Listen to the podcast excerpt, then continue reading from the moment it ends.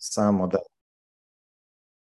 Lagao sam vas sve, ovo nije live, ovo je pre-made, edited i pre-composed situacija. Čekaj, čekaj, ugljiša. Di ste ljudi, šta ima? Ništa, evo, došli na poziv, nismo mogli live, ne znam koji je tu problem. Ali ne, mogli smo, mogli smo, samo pusti, ovo je sve live. sljedeći put ćemo, e, e, drugi vitak. Ne znam mhm, jesam li se mhm. mogao spojiti. Vidimo znači. Braž, ti ćeš morati danas e, pokriti, biti, nam moderator da prođemo kroz sve ove novosti i vijesti. E, čuo sam da se puno da. toga dovodilo. Ali možemo isto prvo iskomentirati e, momke koji su nam se približili, pridružili, ne približili. Pozdrav Igor, pozdrav Ulješa, pozdrav Plumski, Jel se čujemo? Pozdrav, pozdrav, naravno. Da, Uglješa manevrira, a Plumski se spaja. Live, uh, A u biti da, možeš live slušati tako što se joinaš u Zoom, tako da nije moj problem to više. E. Igore, kako si ti? Šta se dešava? a pa evo, evo, dobro. Ovaj, e, propustio sam e, ovaj, eto, sastanak u, u, BG-u sad kada je bio, pošto nešto kući radio, kao i uvek neka građevina, pa se nije moglo. Ali drago mi je da, da, da ima eto i ova mogućnost. Pa idem ovaj, idem kući, je, Bog me ove godine baš često, tako da se nadam da ću da da, ovaj, da upecam jednom i taj, i taj prvi sastanak za mene da, da, da, uživo iskustvo. Da, da, da. Evo sad, e, sad imam e, u, u ovdje u Beču a, neki sastanak isto sa, sa austrijskom bečkom grupom, to jest 21, pa da vidim šta oni kaže, kako je. li ima neki Vrlo dobro. Bitcoin kao zajednica tamo? ikakva? I, pa ima, mislim, e, dosta se dešava ovdje. Ima, imaš čak i ove, e, kako Niko, Niko, Niko Ilč je, je iz... Ja, ima jedan e, momak iz, iz, ja mislim da je iz Bosne, on je čak i, i, i ovdje u, u našoj grupi 21.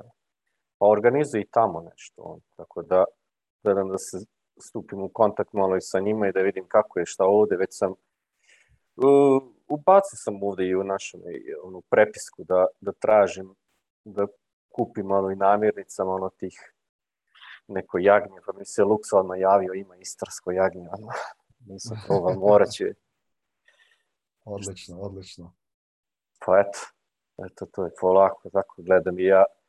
Mislim, ne smijem još uvijek da se opustim kao gospodin Pavao na all in Bitcoin. Ali,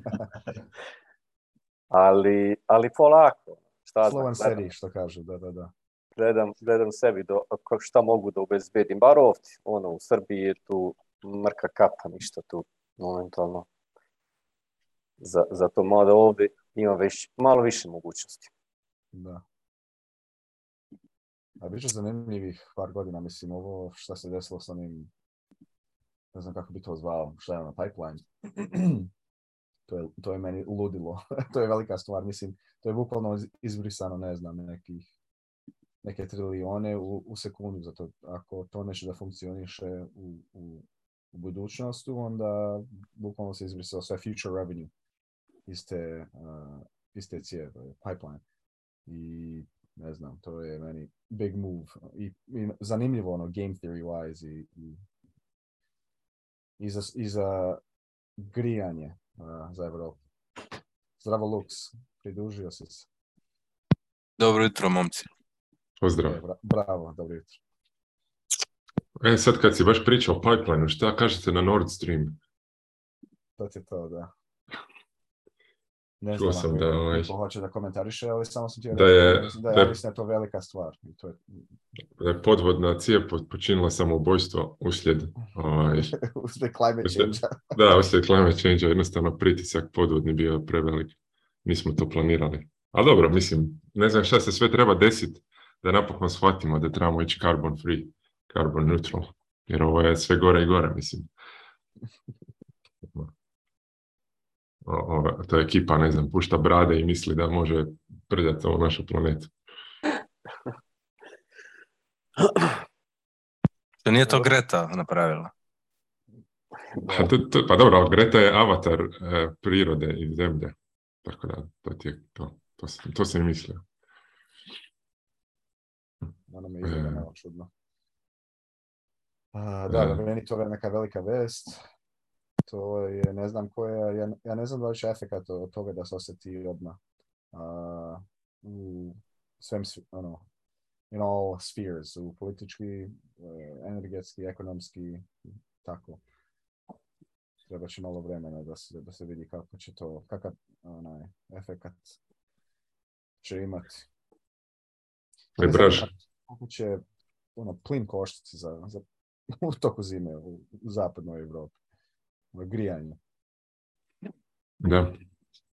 Trebaš, trebaš ovaj, sada pošto nas ima e, već šest u ovom pozivu, ne znam je li Ugljiš uspio taj zvuk srediti ili nije, a, i možda će nas biti još kako idemo kroz ja, čujete, momci? O, dobro dan, dobar dan. E, najzad, eto, i to smo rečili. jako dobro. Predivno, predivno. Vidim, ti si u nekoj... Da, imao ovaj, sam veliki neki problem. Da, ovdje sam sada na vikendici, pa Aha, tehnički dobro. problemi kao i uvek. Glavno da smo ih prebrodili. Pa da. To si htio reći, Matija. Htio sam reći da, da, da ovaj, ti, ti, nas možeš moderirati i, i ići kroz teme i pitati svakog pona osob, kao šta ti misliš o tome? E, da, šta ja da mislim se, o ono- tome? Ne, ne, ti misliš? Šta? Da, da. Mamuran je moderator, da, da, da. E, pa da, vidiš, aliteracija. Pa dobro, ne znam. Ja mislim, slobodno krenite sa, pričajte o, bilo čim. Ja gledam ono, čisto kroz, mislim da ću pogledati u Discord da vidim šta ima tamo, koje teme. Ajde, ajde. Baš smo ljudi ono, ubacili neke stvari ove nedelje. Ako ne znate za Discord, imamo sad izgradili smo kao neke osnovne kanale i to Pavlo radio. Uh, Bitcoin Island. Lux, šta je ovaj Bitcoin Island? Ja nisam šao za to. To je to. Pa piše ti. ovaj, pa to je... Ti si stavio link te. Da, da, da, da, čekaj. Pa ja sam se isto tak probudio, ono, mamuran sam. I ovaj samo da dođem na to. Šta ste svi mladi ljudi izlazite? Šta ti bio rođendan? No, sretan rođendan. Ovaj, ne, ne, ja sam radio noćnu i onda sadnji zadnji dan. Ono. Da, sam... da, znači to je ovaj otok na Filipinima gdje se baš, e, ako se ne varam, ili Indonezija ili tako nešto, samo da dođem do toga. I rade odličan posao, imaju preko sto biznisa već uključenih gdje eh, se može platiti bitcoinom i imaju neki svoj wallet. Ja volim, I... volim, da to vidim, da, Da, bio sam u vješću, zato sam to postao. Nemam puno informacija ono, glede toga, ima Twitter link i, i Google mapa gdje se vide svi biznisi ono, i dosta lijepo izgleda. Ono. Inspirativno. Pa jeste, da, da, da. Ja ne znam koliko ono, to naravno je taj grassroots movement, ali ne znam koliko regulativa ono, ima neki efekat na tome, Ja su oni, ne znam, zato znam ovdje u Srbiji, na primjer, ne znam da bi mogu tako, uh, mislim, može ono black market da se primi, ono, ako znaš nekoga, naravno, peer-to-peer, ali ne znam da li mogu ono tako da ima 100, mjesta. Mislim, prije godinu, dvije možda, ne znam sad zbog regotive. ne znam kakva je tamo u tom mjestu, u tom ostrovu, ali naravno to vuče neke ljude. Ja se mislim ono, uh, mislim u Salvador koliko ekonomskog vrednosti je povuklo taj Bitcoin, mislim, čitava jel, legal tender ili ono, mogu ljudi troše, da se ne brinu ono, ono, porezu i takvim stvarima. Ali mislim da je 80 miliona nešto i možda i više u, ekonomskom vrednosti ono, dovelo. Znači, to je neka, neki incentiv da, da ljudi pomisle malo, jel to može pomoći ili ne. Mislim i u Ravu, čisto ono, od onog filma E, snimka što je Club Music uradio, iako nije ta ekonomska vrednost ono, vrlo velika, nekoliko nas smo dolazili i ljudi dolaze i čuli su za to mjesto i Bitcoinere koji putuju u Evropi dođu i vide i ono plaćaju neko mjesto, spavaju, jedu nešto, ono, uživaju i tako dođe malo, mislim nije, nije ništa, ali nije, puno, ali neko, neka ekonomska vrednost u stvari uh, dovodi ta Bitcoin ideja i tehnologija, što je zanimljivo. Zdravo Nikica, sad sam vidio da si se pojavio. Bog, bog, samo vi pričate. On gleda S&P da, tek sam stigao, nisam još stigao sve ovaj, otvoriti. Dobre, koliko nas je imao? Desetak ljudi. Vidim neka nova lica, bok svima. Bravo. E, Mikica, pola ljudi ovdje u mamurno, pola pijano, ovaj, e, tako da, ne, ne znam, ono, ne znam. Dobro, to je najljepše društvo. E, tako. Dobro. After. Balans. Ne znam, treba se još, treba neko napušen doći. E, to nam fali. bi nekako. Možda ima i toga, je. samo se ne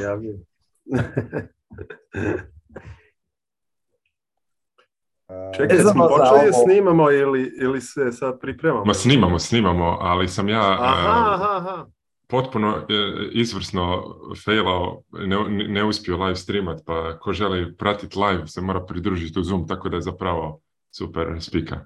Ono, ako želiš gledat, moraš sudjelovati. Ali snimamo pa ćemo objaviti kasnije. Pa tako i treba, tako i treba. da, da, Ono, malo eforta, inače... Mislite ovo, ovaj Swan kako su kupili Spectre, to je mislim kako, kako bi znao, synergistic eh, kombinacija. Čisto zato taj otvoren source, ono, eh, teško je da, da dobiješ ono novca, da, da, da, da to radiš duže, ono, neko duže vrijeme.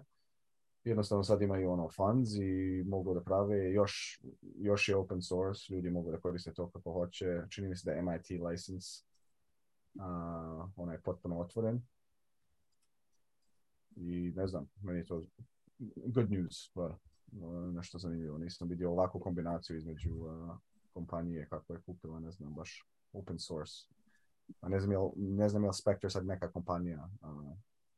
pa ja, ja, ja sam nešto kratko upoznao sam dvojicu tih iz Spektara i koliko znam oni su fundani od, od tog Morica koji je, koji je CEO, to je manje više self-funded, sve iz njegovog džepa, on plaća, ja mislim, nekih pet developera, to je, to je tako mala firmica, njih pet, šest, e, tako da ovo im je svakako ono neki level up.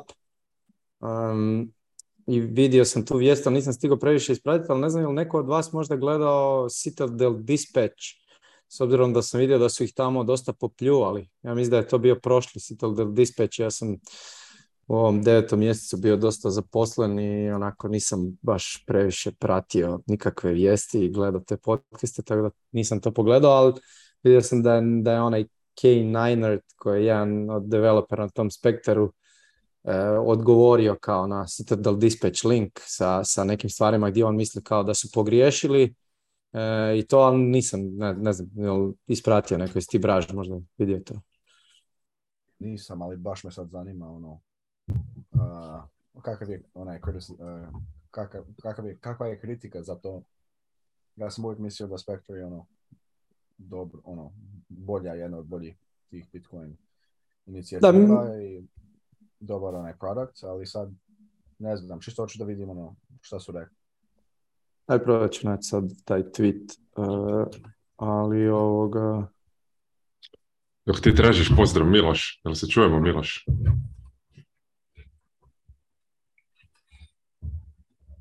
Može, ko da jesmo. Uh, neće mikrofon da radi.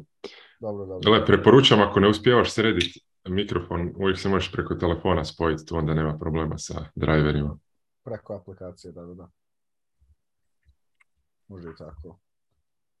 Da. Da, meni je bio problem s aplikacijom i onda kad sam otišao na ovaj web, onda je radilo ovaj. da. A pa da, ovaj spektar, on je ono, super, super kao novčanik je fenomenalan, ali ovaj, ono po filozofiji sve to, ali ne znam da li ste vi ljudi koristili Ovaj, to je jedan od redkih novčanika koji mora da se koristi samo sa svojim nodom. Ti nemaš, nemaš način da se prikačuješ na njihov nod ili tako. Ali u tom smislu po meni je bio, nemam pojma, meni je trajalo jedno dva, tri minuta da bilo koji postupak obavim. Ovaj, mislim da je onaj kako se zove, Ben Kaufman ili... Mm-hmm. Da ste čuli za njega, on, on je napustio projekat pre, šta da znam, šest mjeseci i otišao na onaj Clown World. E, znaš šta, to je... Što je zanimljivo, on je bio ono, baš ono based, based da, lik. Da, da, vrlo based. I ono, on je Too based for his own good, što bi rekao. Too based for his own good. Da. on, on je napustio projekat i eto, posle šest mjeseci oni su sada je, ali pa ja sam... Ajde, završi, sorry, sorry. Pa ne, to, samo to sam teo kažem, sad ne znam, Svan se računa kao neka kompanija koja je ono, super kao Bitcoin only, ono, Bitcoin mining, Mislim to, ali i dalje su ono neki korporativni identitet, tako da mm. tu možda ima nekih ja, ja sam, da, ja sam u chat ubacio ovaj eh, link od tog Ninert. Možeš e, share, ako želiš, možemo svi na ovom pozivu. Možemo tako, a? Mislim Ajde. da, da može. Čekaj sam. Ja Probaj. ja, e, komentari su smešni, ono kaže, o, hvala za ono popravke, uh, volio bi probati inspektor uh, novčanik opet. to je taj tweet ono gdje, gdje je ono, da. ovoga, ali evo, znači to je u ovom bilo citadelisti mm, NVK, Bitstein i, i Pierre Richard. A, a, a samo ovo što si ti, ti spomenuo sad za Ben Kaufmana, ja, sam se s ovim inače likom čiji sam sad e, tweet e, stavio tu na, na, na ja sam se s njim našao u Zagrebu, je on bio u nekom prolazu i onda smo pričali, baš sam ga pitao to za Ben Kaufmana, jer sam ja tog klinca ovoga pratio i to. I onda je on rekao da, jel, jel me, meni je ono kak nisam znao cijelu tu strukturu spektara, meni je djelovalo kao da je on ono prvo lice toga, e, tog voleta. A onda mi je on e, rekao da u principu nije, nego je on ono najmlađi član, ajmo reći, koji je htio na neki način ono sudjelovati u tom projektu, da je onako još dosta bio zelen i nije znao točno u kojem smjeru bi htio da mu se karijera razvija i da u principu on njima više nije trebao. Tako da na taj način, ali sad to je ono rekla kazala, ne, to ono, treba vidjeti više, više, više perspektivi, e, je, tu u pravu i sve to, ali ono, nije da su oni njegovim odlaskom se, ne znam, prestali razvijati ili tako nešto, oni ono, svako malo izbacuju nekakve nove update i ovo sa, sa Swanom je isto valjda ono next level thing, ali al ne znam, meni je taj, taj Swan isto ono, ja, ja sam bio shitcoiner 2017. i ovoga Cory Klipstein koji je CEO Swan Bitcoina je bio isto teški shitcoiner kao i ja i bili smo u dosta zajedničkih grupa i, i on je ovoga dosta zaradio na, na, na shitcoinima i manje više ono, je, je, je u 2018. na tom crashu ono, gdje, gdje, mu je dosta te love ostalo zalokno je nekako ono krenuo u te Bitcoin only vode i to tako da mm, mislim, on, definitivno nije jedan od onih ono OG naša ili, ili, ili tako nešto. Mm, ne, to, onako, mislim i Swan nije neka ono mega, mega kompanija, to je onako još uvijek mali startup.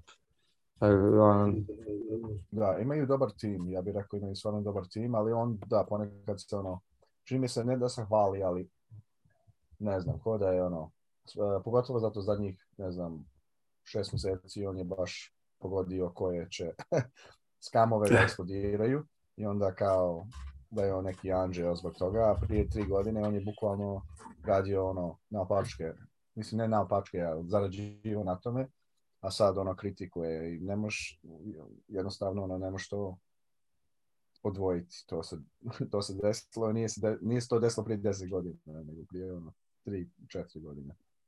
Znači, keep that in mind, I guess, ali valjda ono, Dajem mu benefit of the doubt, zato on je dobar lik, vaš ono, spasio dosta ljudi koji su izvadili pare iz Celsiusa i sad priča vas samo o Bitcoinu, dobro, malo je neki karakter i to, ali šta možemo tu? Ima svakakvih karaktera u Bitcoinu i to je good for Bitcoin.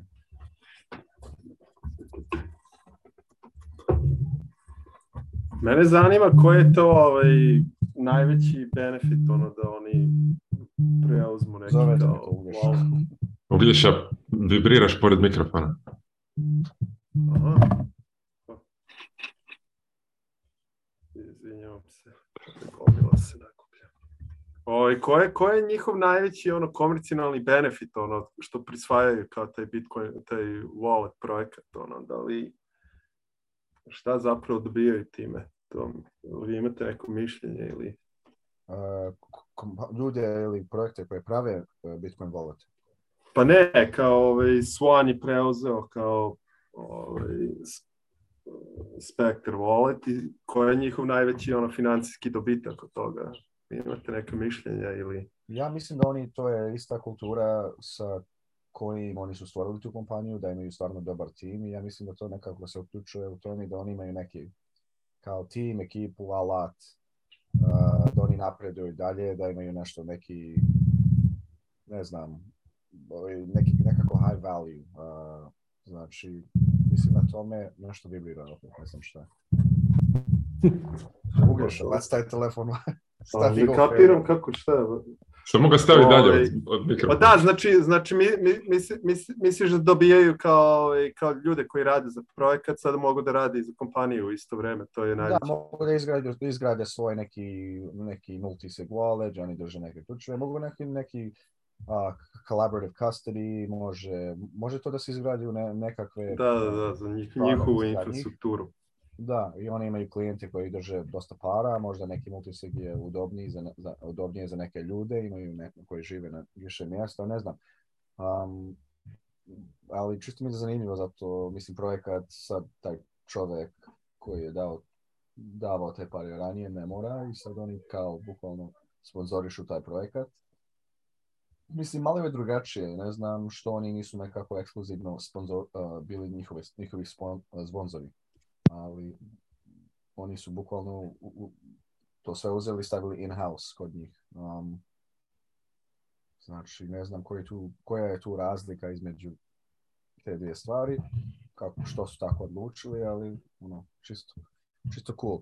Vidim i Strike ono, je koliko oni su imali, je ovo njihov treći round. Uh, oni, pa oni su 80 miliona skupili kroz Uh, venture capital firmu 10, 1031 uh, se zove. Uh, ja znam, Matt Dell je bar dio toga, ne znam, još neke ljudi sigurno. Neki iz svijeta. E, je Mart isto? Je. Jeste, da. Oni, oni dolaze kao package deal, znaš, dobiješ jedan i dobiješ drugi. ne znam se, ali ponekad ono Marti je sad se prebacio neke mining uh, biznise, direktor neke kanadske kompanije, Znači, zanimljivo.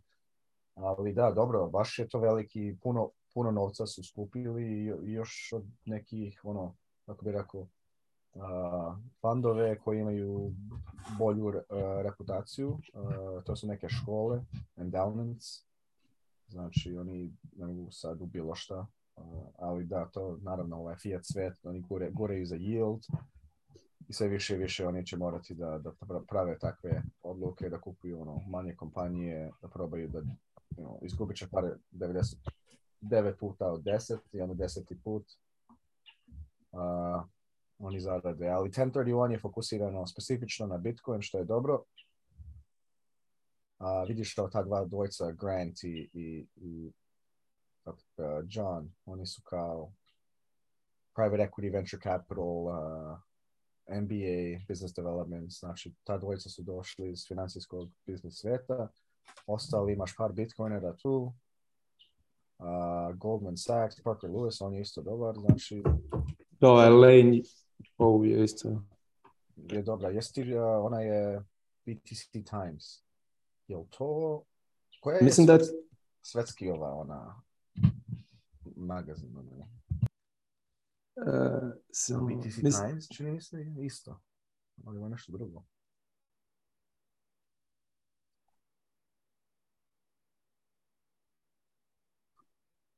Samo sad ću probati naći, mislim da je... World ima 286.000 pratioca, znači to je, to nije malo, mislim, ne znam koliko to može da se proda, koliko vrednost to ima, ali baš je veliki account. So, koji je najveći Bitcoin account? Uh, Adam Back? To imaš na onom Hive, Hive, uh, Hive, Adam Back, Hive. Da, one. Hive, Hive.1. Ja mislim da je Adam Back. Uh, on ima još malo pola miliona. Znači, nije još dostigao kralja.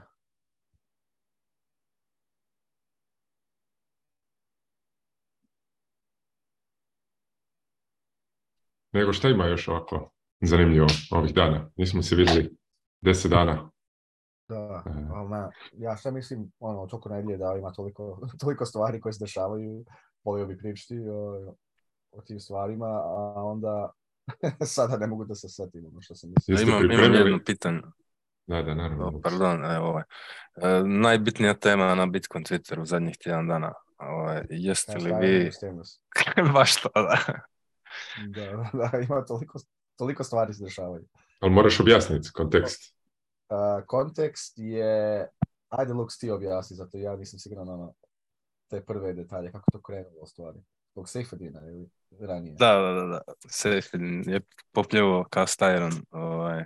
Ne znam, ja sam 50% cast iron, 50% teflon, maksimalist, tako da... Stvarno, ti voliš ne znam, ono, briga me, ono, imam cast iron koji koristim za stejkove samo i...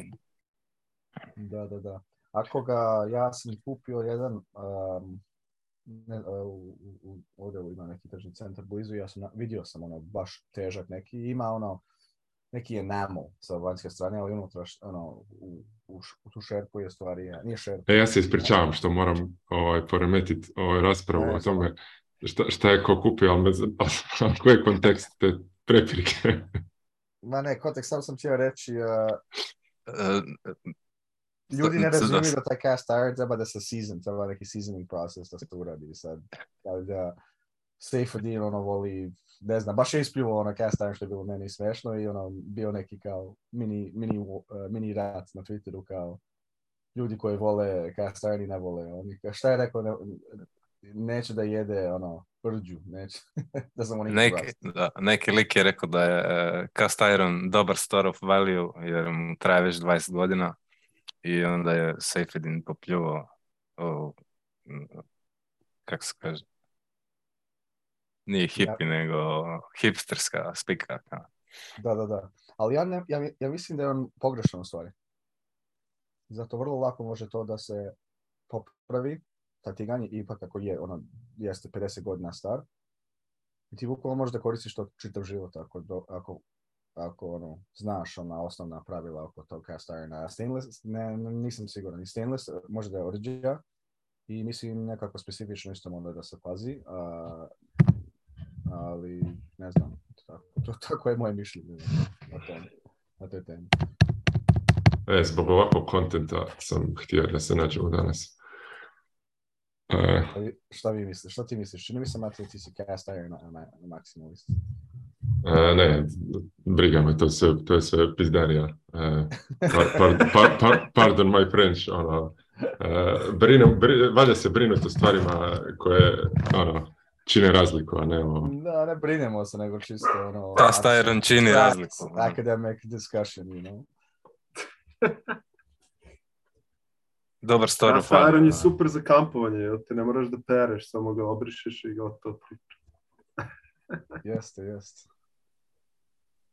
Cast iron treba, e, treba na njemu e, peći jetru, bez ičeg, tako da e, ta jetra i krv pougljenišu i onda se lijepo bude, bude onaj sloj ugljena i onda se tek može peći. E, jer ako nema okusa po, po ugljenu, po e, fosilnom gorivu, onda e, ono, to nije to. Tako da, to je moje mišljenje. Znači, cast iron koji je, ima nekoliko godina e, jetre koja je pećina na njemu. Jedino tako je prihvatljivo. Dobro, prva stvar, jetra. A ja, pa da, nikad se ne pere, ona, nikad ne koristiš deterent, samo ga zbrišeš i gotovo. Tako je, to je kao onaj kineski, kineski e, e, ovaj, E, običaj gdje se one posude za čaj stoljećima ne peru, nego se samo pusti da se to suši i uđe esencija čaja u, u keramiku, tako i sa, sa tavom. Tako da mislim da su svi na, na Twitteru u krivu, jedino ispravno je nikad ne oprati cast-iron tavu. To je to. Pa da, pa čekaj, ako, čekaj, je protiv cast-irona i ne prati ga ili šta? Nisam prasio na pa ukucaj ga. Teđe baš popljuo ono, kad staje. A se, Sejfedin je, Sejfedin je šminker. To me, to me iznenađi. da, mislim da je iznenadilo dosta ljudi, to je zato je postalo sad tolika, mislim, drama. Nego ko je ko probao eh, flambirat steak sa ovako nečim? plombirati, je to s alkoholom? Opa. A. Opa, Guga Foods. Jedan od boljih. A, Guga Foods, ovaj jede sve i svašta, brate. Pa ovo, ovo. jako dobro. Je to probao? E, nisam kombi, ono, sve kombinuje sa Wagyu. Ja sam to probao, ali samo sa puno manjim Brennerom. I, okay. ok. Ja sam isto probao, sa, a držalo me jedno, a možda jedno desetak puta naručio sam, jer nisam mogao naći ovako veliki, e, kao što ima on, nego onaj, ma, ono, samo još ono, onaj plinski, onu kartušu. I onda kao u su vid, i onda... Sear, da. Je, yeah, uh, da. Kuhaš steak u plastici. Ne, ne, ne, ne, ne, ne, ne. To, to radi Sean, Baker, Baker, suvi malo i onda ga plombira. Pa normalno da kuham steak u plastici, kužiš plastika je ugljikovodik, sve je to prirodno. Znači, ne postoji nikakav, u principu ne postoji ništa što je neprirodno. Sve su, sve su to derivati prirodnih ne, ne isto je ono veliki rabbit hole. Jeste, jeste, da. Taj plastik, Ali htio bih reći jednu vezanu stvar za ovo što Seyfriedin govori e, za taj cast iron, jer ono što je specifično kod njega, ja znam ono iz iskustva, je da taj čovjek eh, apsolutno maksimalno optimizira eh, vrijeme koje, koje troši na bilo šta i onda ja mislim da je to otprilike ovako, znači ako ćeš ići, ako imaš vremena za napraviti stvar kako treba, onda vjerojatno nećeš uopće koristiti cast iron ili nešto tako, nego ćeš jednostavno lijepo naložiti vatru i napravit ćeš onako, eh, znaš, properly, a za to ti treba dugo vremena. A ako nemaš vremena s druge strane, onda ti je vjerojatno najbolje nešto što je puno praktičnije od cast iron. Jer ti trebaš nju, treba duže da se zagrije, treba duže da se ohladi, treba i onda ono, oprat, čistiti. Tako teška je, nepraktična. Mislim, ja sam isto kupio, probao sam par puta na tome speći iskreno me ono živciralo, zadimilo je sve ono u, u, u stanu i I, I, moja pupa je bila nesretna zato što je ona to na kraju ribala, a ne ja. Tako da ono, ne znam. Nisi sad, taj seasoning koji treba vremaš. Ono. To, to ste samo, da ne, samo da ne pere i bolje, sve je bolje. Da, ona se ne da. nervira. I to, to. E. I ke- keramik znači, pen, ovaj- Znači ja sad recimo radim na toj keramičkoj običnoj tavi, ono, i ona iz konzuma, koja mi je najpraktičnija za, za ono speć meso i to. Mm, e, to nije, sigurno nema taj sir, nema ono ko što ima nešto što ima puno veći ono hit na, na, na površini, ali je najpraktičnija za ono get it done. A ako hoću baš ne znam, neki steak, ono, specijalni i tako, a onda se treba to pripremiti malo više, više vremena odvojiti, tako, tako da ne znam. Ja mislim Ali, za, ono, dobra rasprava. Jasno, da.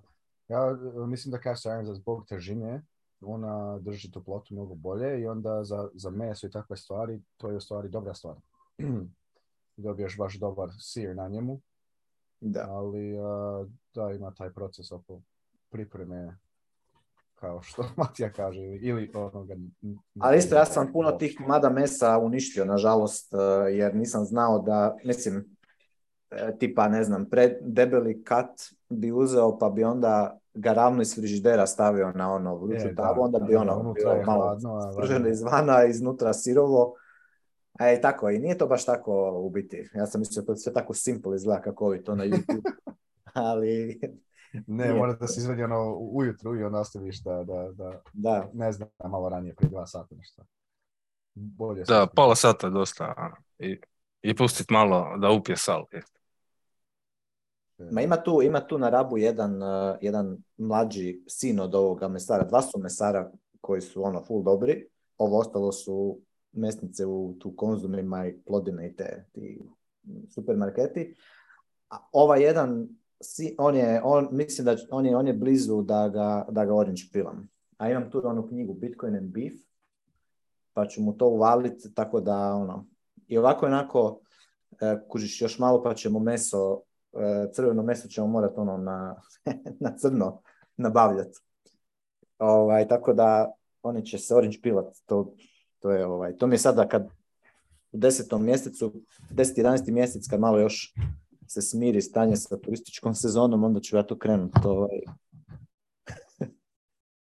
u orange peeling. A znate šta je još meni recimo jedan veliki problem?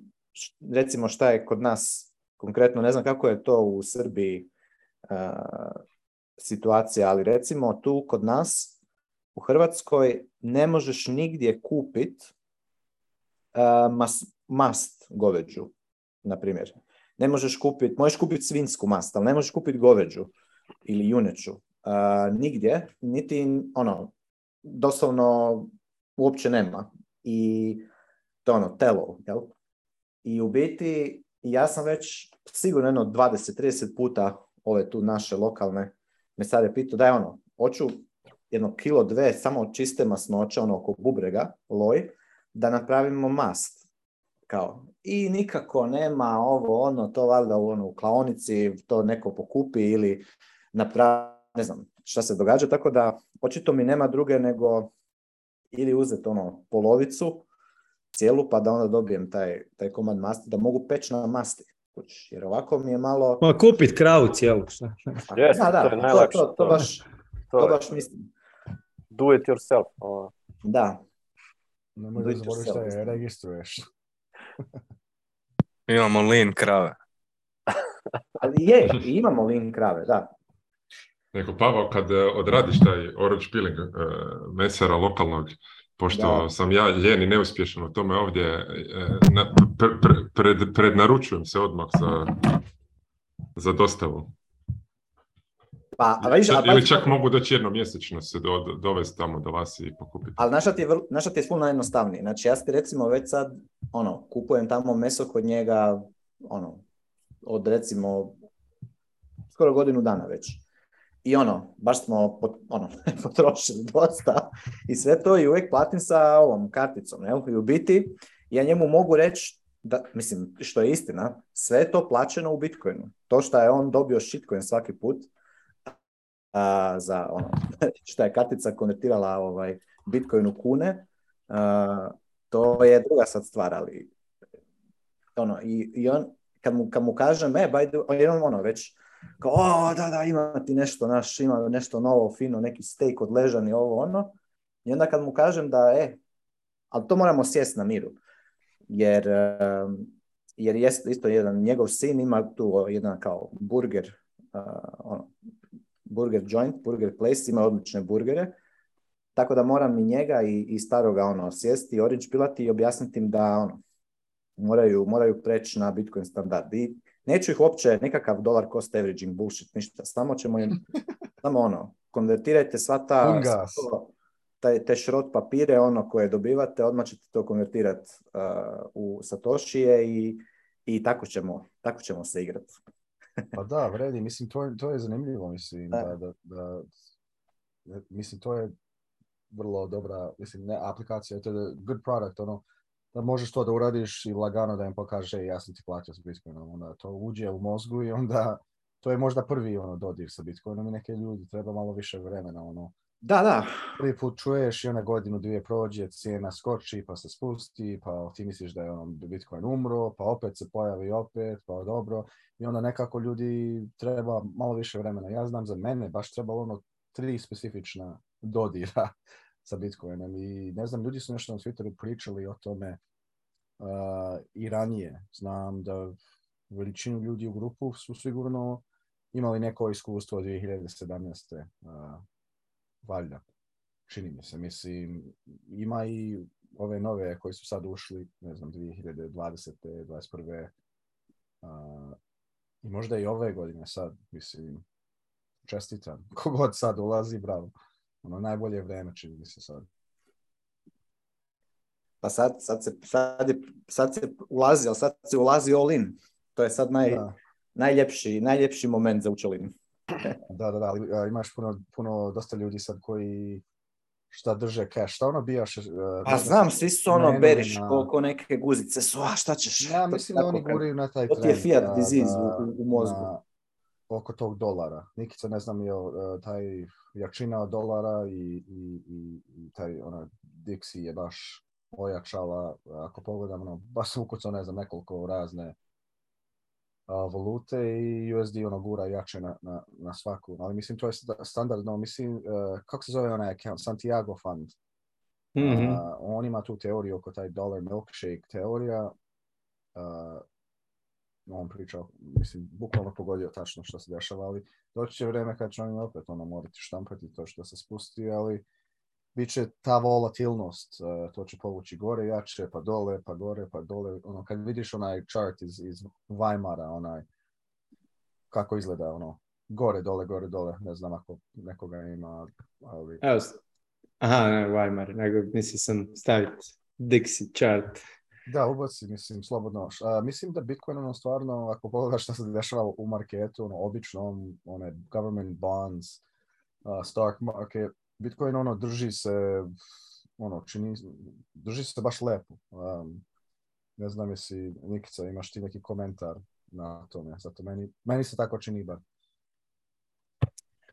Mm. A, vidiš je, Evo, znači, ovo je, ovo je Ovaj čart od 70-ih, e, godišnji, godišnji čart. Tako da, ono, mislim, tu je jasno vidljiv nekakav downtrend, tako da ovaj uptrend je ono lokalan, ali sad tu gledamo period od, 50 godina. E, sad, ne znam, ako hoćemo ući onako malo, malo detaljnije, ono, neki mjesečni čart, zanemariti ovaj pik koji se dogodio u 80-im, o, ovo šta je tu, sad ja ne znam koliko ljudi znaju čitat chart ili ne, ali ono, mislim manje više je relativno jednostavno, ne, ovo je linija koja pokazuje eh, godine, ovo je neka linija koja pokazuje cijenu. Eh, znači mi se sad tu približavamo periodu koji je bio početkom 2000. ih da, 2000-ih. Eh, dolar, ovaj taj DXY ili DXY ili dolar indeks, to je indeks dolara protiv, e, uspoređen sa, sa ostalim jačim svjetskim valutama, imaju nekakvi ono, e, koeficijenti koliko koji drugi utječe, ali uglavnom tu su ono dolar, tu su euro, jen, franak, juan i te klasične valute i sad mm, znači vidimo da ono, ovo je u ogromnom uptrendu i ono, ako usporedimo, ne znam, od početka, evo, je May e, May, i 2021. znači zadnjih godinu i tri mjeseca je narastao 30%, 28%, što je, ovoga, šta je ogromno. Tako da, ono, ako mi sad, Hrvatska ulazi u Europsku uniju sljedeće godine, u monetarnu uniju dobivamo euro sljedeće godine, manje više, znači euro je devaluirao versus dolar 30% u zadnjih godinu dana. ovoga, ali, ali ona tu ima, mislim ja to gledam relativno slično kao kad su svi jako bullish na Bitcoin, onda često dobimo onaj knockdown, ono otrežnjenje i to tako je slično i ovom, ovo je ono na mjesečnoj bazi ogromna parabolija i ja iskreno ne očekujem da će to nastaviti baš toliko jako prema gore, prije bi rekao da je ono vrijeme za, za, za nekakav retrace, ali evo sad ne znam ako uđemo onda recimo na, na nekakav weekly chart ili tako nešto, tu gdje ćemo, se, gdje ćemo krenuti, ne znam, od 2015. godine, už ove sve, ovaj dio, ovaj dio, to su Bitcoin bull marketi. Kad, kad dolar ide prema dolje, Bitcoin ide prema gore. I to je, znači, ovo je, ajmo reći, početak 2017. i ovo tu je drugi mjesec 2018. Znači to je onaj prvi bull run i sad ovo, ova tu točka bottom DXY charta gdje je on krenuo gore označava početak bear marketa. Ovo tu je točno korona dip. Znači ono kad je Bitcoin bio na 3000. A, a znači ovo sve pokazujem na dolar chartu. Znači ono mhm. dovoljno je gledat. To je, to je, ajmo reći, nekako najbitniji chart koji prikazuje E, te nekakve trendove. Onda ovo nam je ovaj sad protekli bull market koji je završio, ajmo reći, u petom mjesecu kad smo došli na onih 65 tisuća, imali smo kasnije move do 69 i sad imamo ovo. I sad ne znam, kad usporedite zadnja dva e, bull marketa Bitcoina, gdje je Bitcoin otišao ekstremno, ekstremno gore. Znači ovdje smo u 2017. krenuli praktički s 1000 dolara do 20.000 dolara, to je bio 20x. Ovdje smo krenuli s nekih 3.500 dolara do 65.000 dolara. I sad ono, vidite koliko je ovaj dio, ajde čekaj, ćemo sve pobrisati, ali opa, koliko je ovaj tu zadnji dio ekstremni I tu mi praktički imamo pad od 65 do 20, što je ono, Mm, vrlo jednostavno, dovoljno gledajući ovaj chart, možemo vidjeti koliko se Bitcoin dobro drži u, u ovom tržištu i zapravo ono ako pogledamo neke, pa sad meni tu blokira, neke druge stvari, a sad ja imam tu sve šarano, ajmo reći,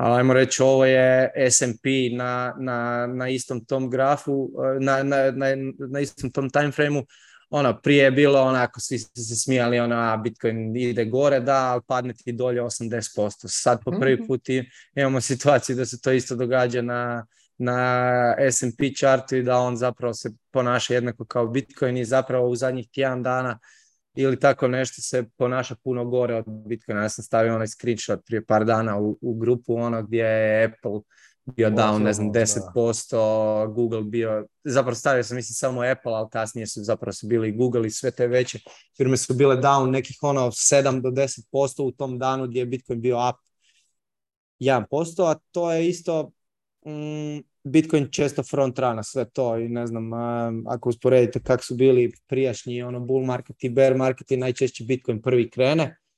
Tako da ovo može biti nekakav onaj indikator da Bitcoin već kao kreće prema gore, a da S&P tek treba botomati, da će to biti razlika od nekih dva tjedna ili, ili, ili mjesec dana, ali tako nešto. Mislim, ono, teško je, niko ne može pogoditi bottom, niko ne može pogoditi top, to je onako manje više ovakve stvari ono možeš pratiti pa si staviti nekakve ono nekakve vjerojatnosti, da li je vjerojatnije da idemo još gore ili još dolje, ali ono, vratit ću se još jednom na, na, na, na ovaj chart. Ovo je ekstremna, m, mm, ekstremno paraboličan chart gdje, gdje je doslovno euro izgubio versus dolar 30%, a Bitcoin je pao sa 60 na 20 tisuća dolara, što je ono, Bitcoin već sad pokazuje znači, ono... Pruži ruku ovdje. Molim? Matija pruži ruku izgleda, da, da, da. Prosti, ja sam se zalaufao. Ne, ne, imam jedno pitanje za tebe, Nikica. Samo bih htio da potvrdiš e, e, ovaj, ako, ako te dobro razumijem. Znači, želio bih se vratiti na, na, na, prije, na tvoje komentare oko e, dolar indeksa i mhm. njegove inverzne korelacije sa Bitcoinom, pogotovo za vrijeme Bolanova. E, ako sam te dobro razumio, znači ti kažeš dva puta e, je, je dolar indeks padao kada je Bitcoin porastao i to onako drastično, e, kako bi rekao, faktor, faktor rasta Bitcoina je puno veći nego faktor, faktor pada Bitcoina. A obzirom da sada dolar indeks čini se jako, jako parabolično raste, i, i generalno takvi, takvi grafovi imaju tendenciju e, završiti u blow, off top i korek, drastične korekcije. Znači, ako sam te dobro razumio, još jednom, e, ti, ti tvrdiš da će e, uskoro Bitcoin onda inverzno narasti na milion dolara plus. To je točno, znači. Hmm. U ono, narednih par mjeseci. Zanimljivo da je ono, narednih par mjeseci milion, dobro mi to ga smjestio. Da, da. Ali meni je zanimljivo, pa ako pogledaš potencijal, to je, to je kao energija. Uh, zato ako, iz, uh, Nikica, ako se skroz vratiš na naj 50 godina pogled, mm-hmm. ovo ide dole. Ovo neće, ova struktura izgleda meni kao neki downward channel. Pa je, da. Uh, sad imaš taj death, death throes, što kažu, e, ono kad će da bit će nekih spasms, ali ako pogledaš ono sad se vratiš na ono gdje smo sad gledali, potencijal, koliko je postigao taj Dixi, koliko je ojačao, i sad ako se on spusti tu gdje je bio ili dalje, to je jedno tri puta veće nego one uh, downtrends koje su bile previous bull markets. Znači, Matija, isto što Matija kaže, ono, bukvalno sam htio reći istu stvar Znači, to ja gledam kao neka potencijalna e, e, energija između e, vrednost Dixija sad i budućnog, to mi znamo ili morat će da, da manje vredi, ako mislim to zna da, država ima tu tri opcije, neki hard default ili soft default through inflation, će da, da, da doći će situacija kad se štampač opet uči, mislim sad se to ne dešava, ali dešava se u Japanu i u Europi, ali će da se desi i onda da, spusti se taj Dixi i vidjet ćemo onda da potvrdimo treći put, ne znam je se to desilo i prije, ako pogledamo 2014. kad je bio taj spike, kako je Bitcoin bio u te godine? Evo imaš tu, ovo je, start, ovo je stvar 2014. Evo.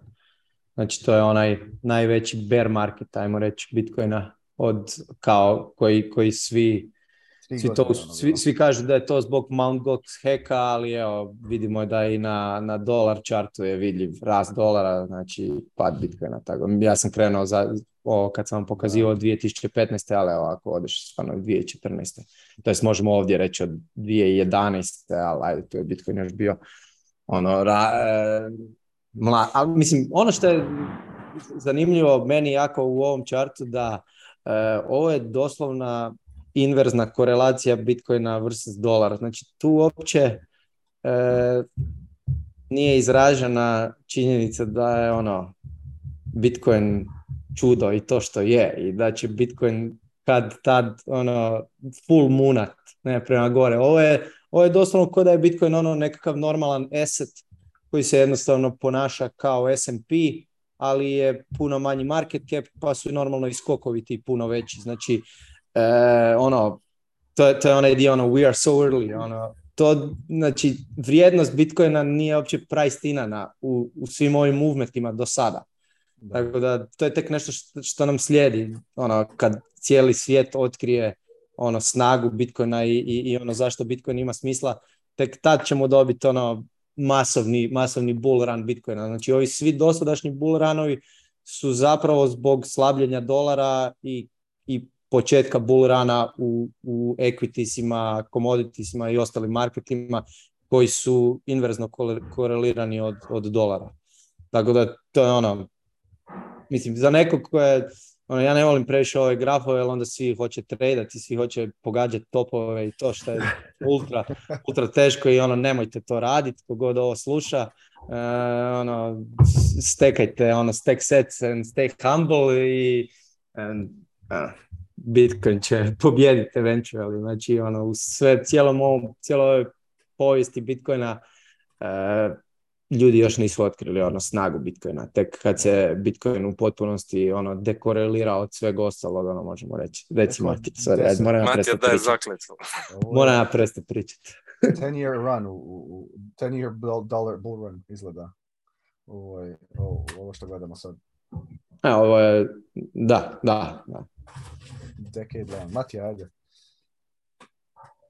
E, uglavnom kad nam dođe taj trenutak, mislim o tom trenutku i često priča kako jednostavno taj bol ran jednostavno to ono ko nategnuti elastik to će letit u, basnoslovne količine i zapravo svako ko ima pa makar ono par sto, par sto eura danas u Bitcoinu će imati lambo. Pa me zanima samo e, Kada dođe taj trenutak? Kad će to biti, jel?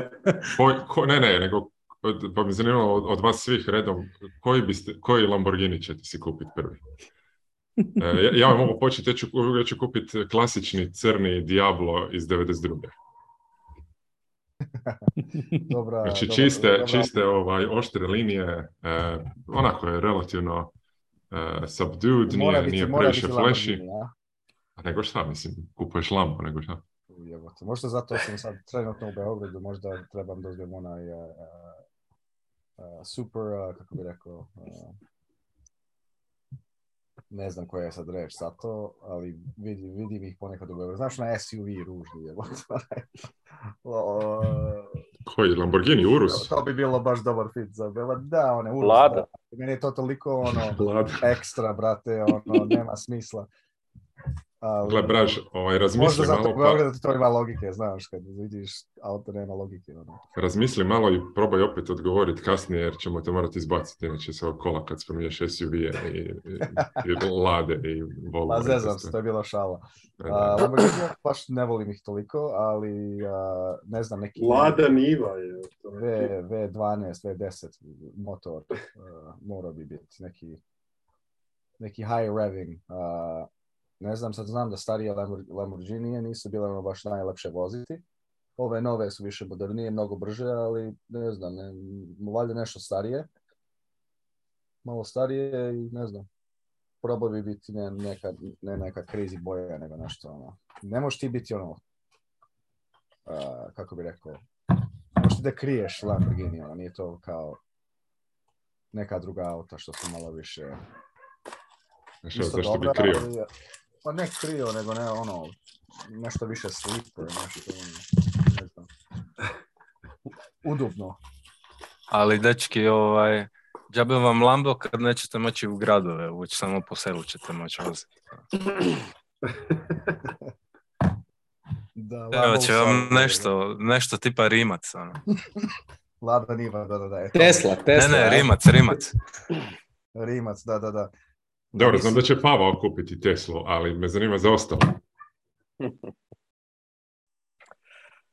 ja ću Rimac T2. Vrlo brzo. Vrlo brzo auto. Nevera. Ali je električno. Ja ne znam da li sam još skroz ono... Nisam ubijeđen da, da bi volio da imam ono električno auto. Možda neki hybrid kombinaciju gdje motor puni tu bateriju i nekako napravi bolju kilometražu, jeftinije možda duže voziti, ne znam, ali ne bi ono osnovno bateriju voziti. E, to, evo, za braža, e, klasika. E, to je to, i ta boja može isti. Može, da. O, to da se... A pa dobro, čak je, čak je dobar ovaj iz 80-ih. Sviđa mi se. Farbat ga vadi, Taj vadi one Range Rovere. Da, da, da, da. To Ovo je samo Farber. E, da, da, i da se kamuflira. U šumi on vozi jedno od ovih. Ne, ovo je super auto. Kamuflaža ujedno. Kako dobro. Evo ja da se izjasnim, ja nikad neću kupiti Lamborghini, pa ne, mora, što je pitanje, ne, nije, nije pitanje sad. Aha, mora. Aha. Mora, šta, da, da. E, jebi. to se vjera. Onda ni ne znam modele. da, ne pratiš. Uh... Ti ćeš Cybertruck kupiti.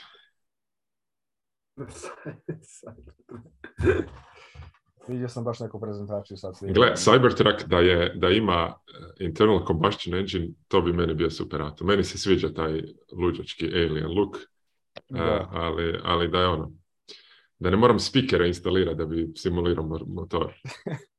Sad ono samo vidi Matiju u Cybertruck, ono spusti, spusti ono uh, tinted window, naočale unutra, Bitcoin podcast, ono uključen.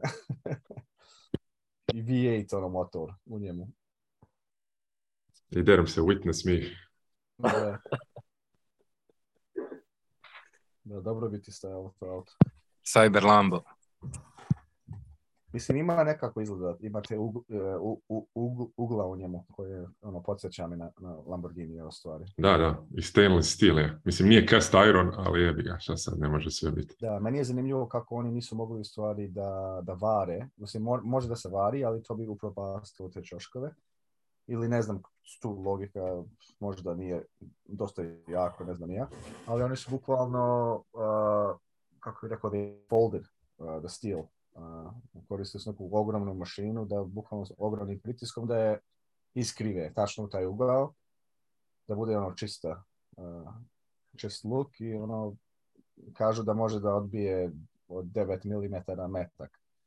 Što ne znam da li sad ono verovo da li može? Mislim da može, ali prozor ti je tu. Pa ne znam ali da li može Lado Nivu u frontalki preživjeti? Ništa. Ako nemaš punjač, onda džabe ti. Ono. Ali ipak ti treba i gorivo. Gorivo. Jako dobro. Vidio sam Pavla stavio neki na Twitteru Alef se zove lik ja mislim da on u stvari stavi ovaj projekat. Ja nešto pomažem pomalo ovaj bolt.fun turnir koji imaju. Slobodno screen share. A, čekaj da otvorim ovaj tweet. To je jednostavno toliko ovih. E,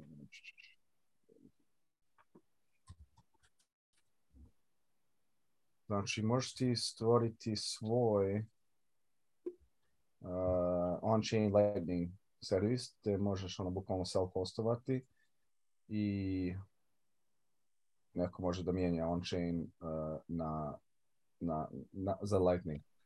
Um, on je stvari ostavio na fan, to je kao turnij, uh, počinje oktober 12. čini mi se, ovo je njegova ideja koja je stavljena. Vidiš, ja sam se logirao ovdje kao preko LN, LN uh, eh, LN authentication eh, URL, LN URL auth, mislim da je tako. To se loguje sa Lightning naučnikom, što je zanimljivo. Eh, mnogo lakše taj UI. Ne znam što vas se ne mijenja. Da vidim što ovdje. Znači, koristi Taproot, što je zanimljivo. I mislim da može i neke pare može da se prave od toga. Uh, ima tu pravila kako se, da se instalira. Uh, šta je ovo rekao nešto? You can provide the service to other people in exchange for a small service fee. Znači ti može možda stvoriš stranicu ili neki uh, novčanik koji sad trenutno je Lightning novčanik i hoće da ovo ubace, vrlo je lako da ono, ovo, ovaj servis ubace. Mislim, to sigurno da će imao neki, neke već Lightning učenike, ali neko još možda doda. Naravno, ako ćeš ovo koristiti, pazi zato, nikad se ne zna, ono, pročitaj kod, probaj da razumiješ kako to radi, ali meni ovo čisto izgleda dosta jasno, jednostavno. ako hoćeš da radiš na tome, nešto da mu pomogneš, pročitaš neki review komentar, instalirati, probati i evo, link je tu, ne znam da ćemo sad, to ubaciti u... Ja mogu u chatu da ubacim, mislim Pavle ubacio u Discord taj tweet, znači ako hoćete pogledati, to je tu. Um, ovo mu je taj git. Jednostavno. Ako hoćemo da... Zamisli ja sad da probam ovo da uradim. E, to to, live demo. Ne, ne znam da li mogu. Mislim, imam Node, ali sad... Uh, Idemo, ali... Mislim, zanimljivo, da, zanimljivo da probaš. Mislim da neke druge ovdje, druge ljudi bili mnogo bolje eh, kandidate za, za taj posao. Ali čisto ono, zanimljivo, to sam, to sam volio. Um, čekaj sad, Discord. sad kad ovaj, tražiš to, s jedno pitanje za, za sve ovdje, ja se bavi ko od vas e, nekim napokon e, open source projektom, da li vezano na Bitcoin ili ne? Znam da Pavle da, znam da je Pavo pričao o, o potencijalnom nekom pridrživanju. je neko od vas ušao u nešto?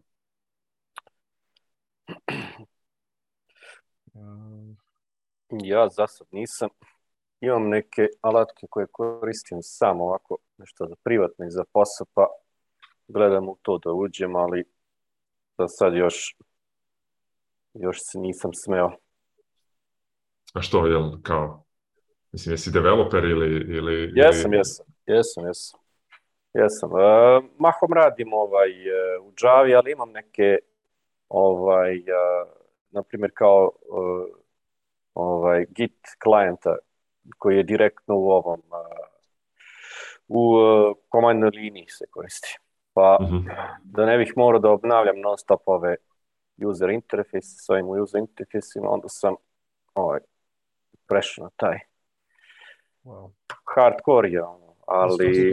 ili to... Ne, ne, ne, nisam ja, ali ono, gledam, ono, imam neke stvari koje mi se ne sviđaju tu, koje bih ja promijenio, ali kad sam vidio da je napisan u rastu, ono, rekao sam, ajde, ajde ono, pauzirat ću vidiš. A koje, koje, su tvoje kao, pa, gdje je tvoje iskustvo sa, sa tim, koje, koje jezike ti koristiš? Pa čavu, čava mi je onaj fort najviše. Uh, radio sam sa Perlom, uh, JavaScriptom, ono, TypeScriptom, uh, šta znam, sa bazom, Postgresom, to Meni to sve zanimljivo. E, e, što, sam, što sam htio pitati? E, šta bi ti onda, šta ti najviše privlja, privlači u, u, u Bitcoinu? Ako bi ti ono tijelo, da nešto ono dodaš, da, da, da, pa- da izmisliš u kom pravcu bi ti htio ići? Pa vidi, ne znam sad da li se korom bavio, jer nemam baš toliko lep ne, nemam baš e, onako e, dobar pregled što se tiče tog i e, budem iskren, ne bih se smeo sad tu da upadnem, ali bih možda za Lightning nešto. Nekako mi Lightning izgleda kao, kao nešto taj, taj, taj drugi layer malo više interesantan. mogu da ti preporučim onda za taj turnir ako hoćeš, ja bih napravi profil tu, vidi šta ono ljudi smišljaju, oni postuju neke tu priče, ideje, takve stvari. Ja mislim da su nagrade, oni hoće baš ono ljudi koji su da, da uvuku ljude da, da rade baš na Lightningu, znaju da hoće da to bude ono zabavno, zanimljivo, inovativno, um, globalno i naravno to je digitalno, znači imaju neke sad events koje se dešavaju na nekim mjestima u Africi, na primjer, Bitcoin design mislim da je, ne znam je li neko mjesto će biti, jeste, ali i Lugano će biti, ne znam, neki mali, u stvari neće biti tamo, ali mislim da neke ljudi hoće ići iz zbog fana, ali to sam htio reći, slobodno ono, prijavi se pogleda i nagrade su, ne znam, tri Bitcoin su razredile u neke tu nagrade za dvije trake, ima tu neka afrička traka i globalna traka za inovaciju. Ako, možeš ti da se, ono, da se ubači, ubaciš u neki tim, ako hoćeš da pomažeš nekome, ono, čisto, to je opcija. Mislim, to mi je najlogičnije, zato ja malo sad pomažem sa tim, ali mislim da je, volio bi što više ljudi iz, iz Balkana da se, da se prijave, da, da, da vidim ono šta, šta može se e, izgraditi i napraviti. Ima tu malo više vremena, ima ono par, ne, par nedelja, bar mislim šest nedelja, imaš malo vremena da, da to napraviš kao tipični hackathon gde, se dešava ono preko dva dana, nego se dešava preko, preko tih šest nedelja i ljudi kao, e, oni hoće da, da build in public, ono, da, da grade, bukvalno da ljudi vide kako se to pravi, koje su ideje i da vidimo šta će tu da se desi. Mislim, to je opcija, ne, ne govorim ti da, da, radiš ili ne, je to pivo ili ne, Dakle, moram Moramo obilježiti. Moram da pitam. Egzotično.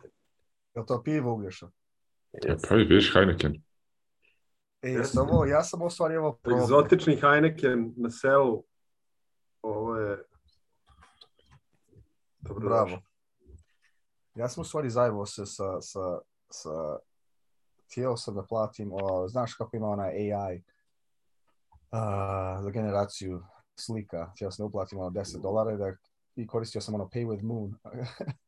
I uplatio sam 10 dolara i nije moglo da prođe. Znači sad imam kredit u 10 dolara i trošio sam iz Lightning učenika i onda sam probao onaj Bitcoin kompaniju A koji, koji si uzao? Midjourney ili ovaj... Uh... Uh, koji fusion, ili kako? Stable diffusion, meni se čini da je stable diffusion. bolji.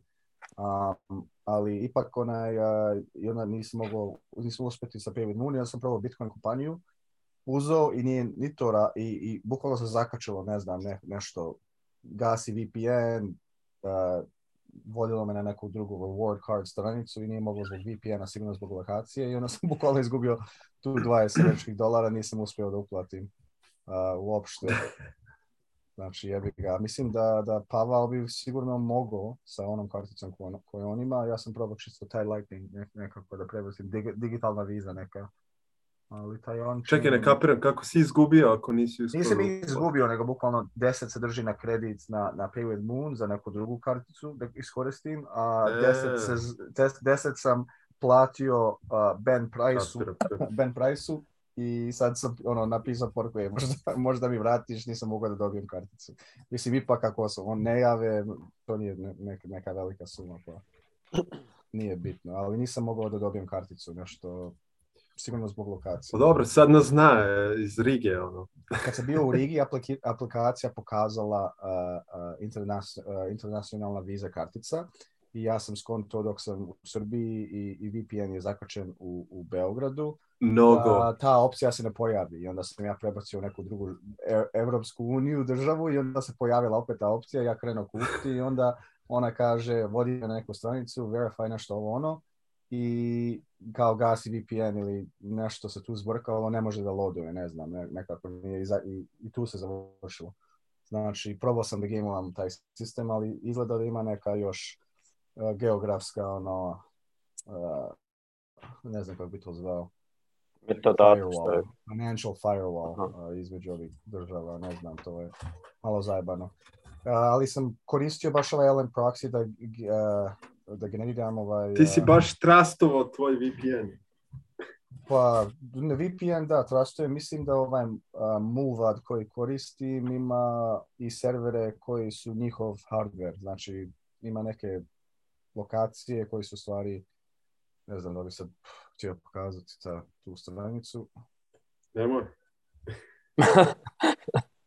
Mislim, dobar je VPN, ja bih preporučio dva VPN-a, ja znam i VPN i Mulvad, ja ne znam koji bi drugi preporučio. Mulvad je vrh, ovaj, ja sam se zajebao i uzao sam Nord, ali... E, da, Nord je, da, Nord je uh, reklamiran. Ja koristim ovaj Tor Guard, ja, to nije, ni, nikad je to... Mulvad je, ono, preporučuje se čak i onaj teh, uh, kako se zove, na, na YouTube-u ima pregleda ih ono sve i... Da, detalje oko toga. Da, da, da. E, ovo je zanimljivo, ovo je kao VPN for an invoice. A to je Lux znači, eh, podelio. Da, jeste ovo probali? Uh, hoćemo sad probati ovo. Ok, hoćemo kada probamo ovo live. Ali. We'll do it live. Ne, ne, ajde ovo. Oni ko se ponudi, Oni ko se ponudi mora napraviti. Ja, ja ću, ja ću, ok, so lazi na jednom hide ok, cool daj mi stranicu. Samo da znaš, ovo se snima, tako da sve što, svake kijeve koje pasteš ćemo imati. Pa da, dobro, ali receive address, to je, ti samo vidiš ovu stranicu, tačno. Pa znam, ali email, password, sve što pasteš, samo da, samo da znaš. Moram, moram te obavijestiti legalno. Dobro, ako, zajebem disclaimer, disclaimer. editovanje, dobro. Samo da znaš, ovaj poziv se snima. Samo disclaimer, a? ako mi neko, kako, treba mi receive address, ja bih volio poslati nekome neko. Ja ću ti pošaljem ubaci, ubaci, u, ubaci u Čekaj samo da vidim ako mogu. Tako, dobro. Ajde, ubacit ću, poslat ću ti preko... E, Telegrama, Da, da, da, da. da. Kako uzbudljivo. We'll do it live, kao intro za biti session. Fuck it. Fuck it, live.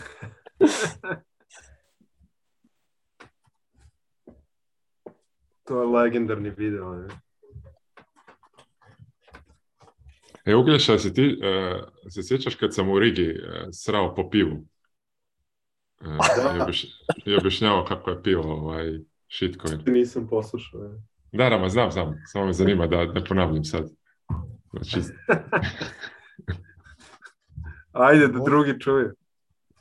Čekaj, čekaj, sad imamo demo.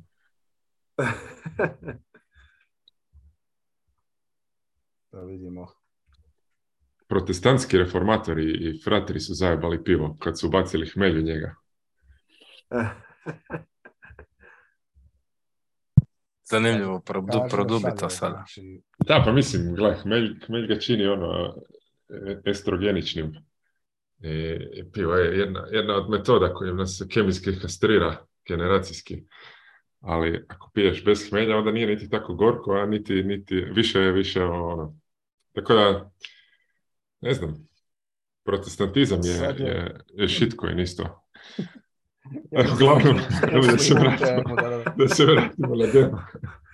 A, jesi ti kad si generiš ovaj invoice, si stavio neki... Neku, neki uh, ne, ne, nisu ništa, trebamo. E, ja mislim da treba zato... Koliko? Uh, lakš, bilo kog, stavio 100 satošija. 200 evra, Neće moći, nemam, to, nemam toliko Pa dajmo barem ovo što je, što je izgubio. Ajde, koliko, ovaj. koliko si izgubio? Pa nisam ništa. E, čekaj, znači moraš ćemo opet. Dobro. Evo, znači, evo koliko?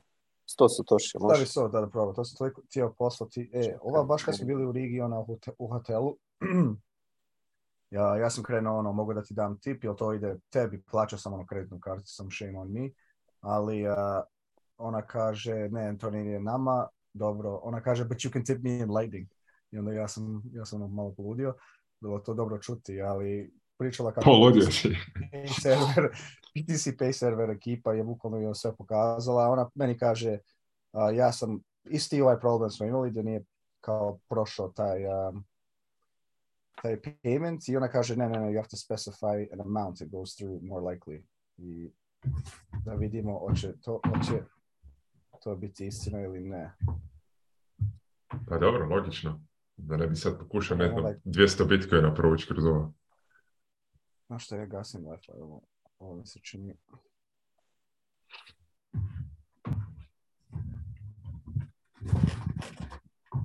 Uh-oh, routing problem. Aha, opet VPN. Mhm. Imat ćemo a, a neuspješan demo. Kaže, kaže, da, da, da. Kaže, ja koristim OLED-ov Satoshi sad. Kaže, there's a problem routing this payment on the network. Please try again. Ok. Treba, trebam si screen share mobitel isto, to da bude onako potpuno, potpuno doživljaj. da, ne, to bi bilo potpuno embarrassing za to. Ma ne, sad, ovaj, izbrisat ćemo. Imam i Phoenix, imam i Phoenix. Pa da, ovo, će, ovo sve onako o, editaj, editaj, Ovo sve ide van, tako da ovo ovaj, je među nama samo. Nemoj, molim te. Ne, ne, ne, we have to do it. Uh, evo da probam još ovaj. Phoenix Wallet. E, i Phoenix Wallet failed. Cannot add HTLC. Evo, Lightning is still uh, still in progress. Vidim. Pa daj, daj spoj se na Luxor. Neko drugo, uh, neko slobodno možete da skanira uh, preko njihove ekrana. Čekaj, ja probam. Da sa raznima. Ajde, ja ću probam, evo imam. Ja sam probao isto neće. Ja. Neće, a? Ajmo svih E, ja ću probati iz Oshia, uh, e, ne iz Oshia, nego iz, imam razne neke rewards iz Bitcoin kompanije. Mislim da su mi dali hiljadu satoshija za... za... Možda, možda, možda ovaj... Meni piše there's no available route. Ja sam radio da, sa meni Moon Wallet. Sa Moon Wallet. Igore, gde, je ova, gde je ova adresa? Ona je tvoj node negdje. Ne, ne, Moon. A, da, da, da. Možda zbog ja sam, ja sam prek Blue Walleta isto. Does the receiver have enough inbound capacity? Oh, aha Aha. Probat ćemo, probat ćemo sa Breeze. Zar, zar je to ne, to je ne, to ne, ne bi trebalo da bude bitno kod muna ili? Mislim, payment to... failed, da, to mi je. Payment failed, does the receiver have enough inbound capacity? Code 10 u zagradi. Šta znači code 10?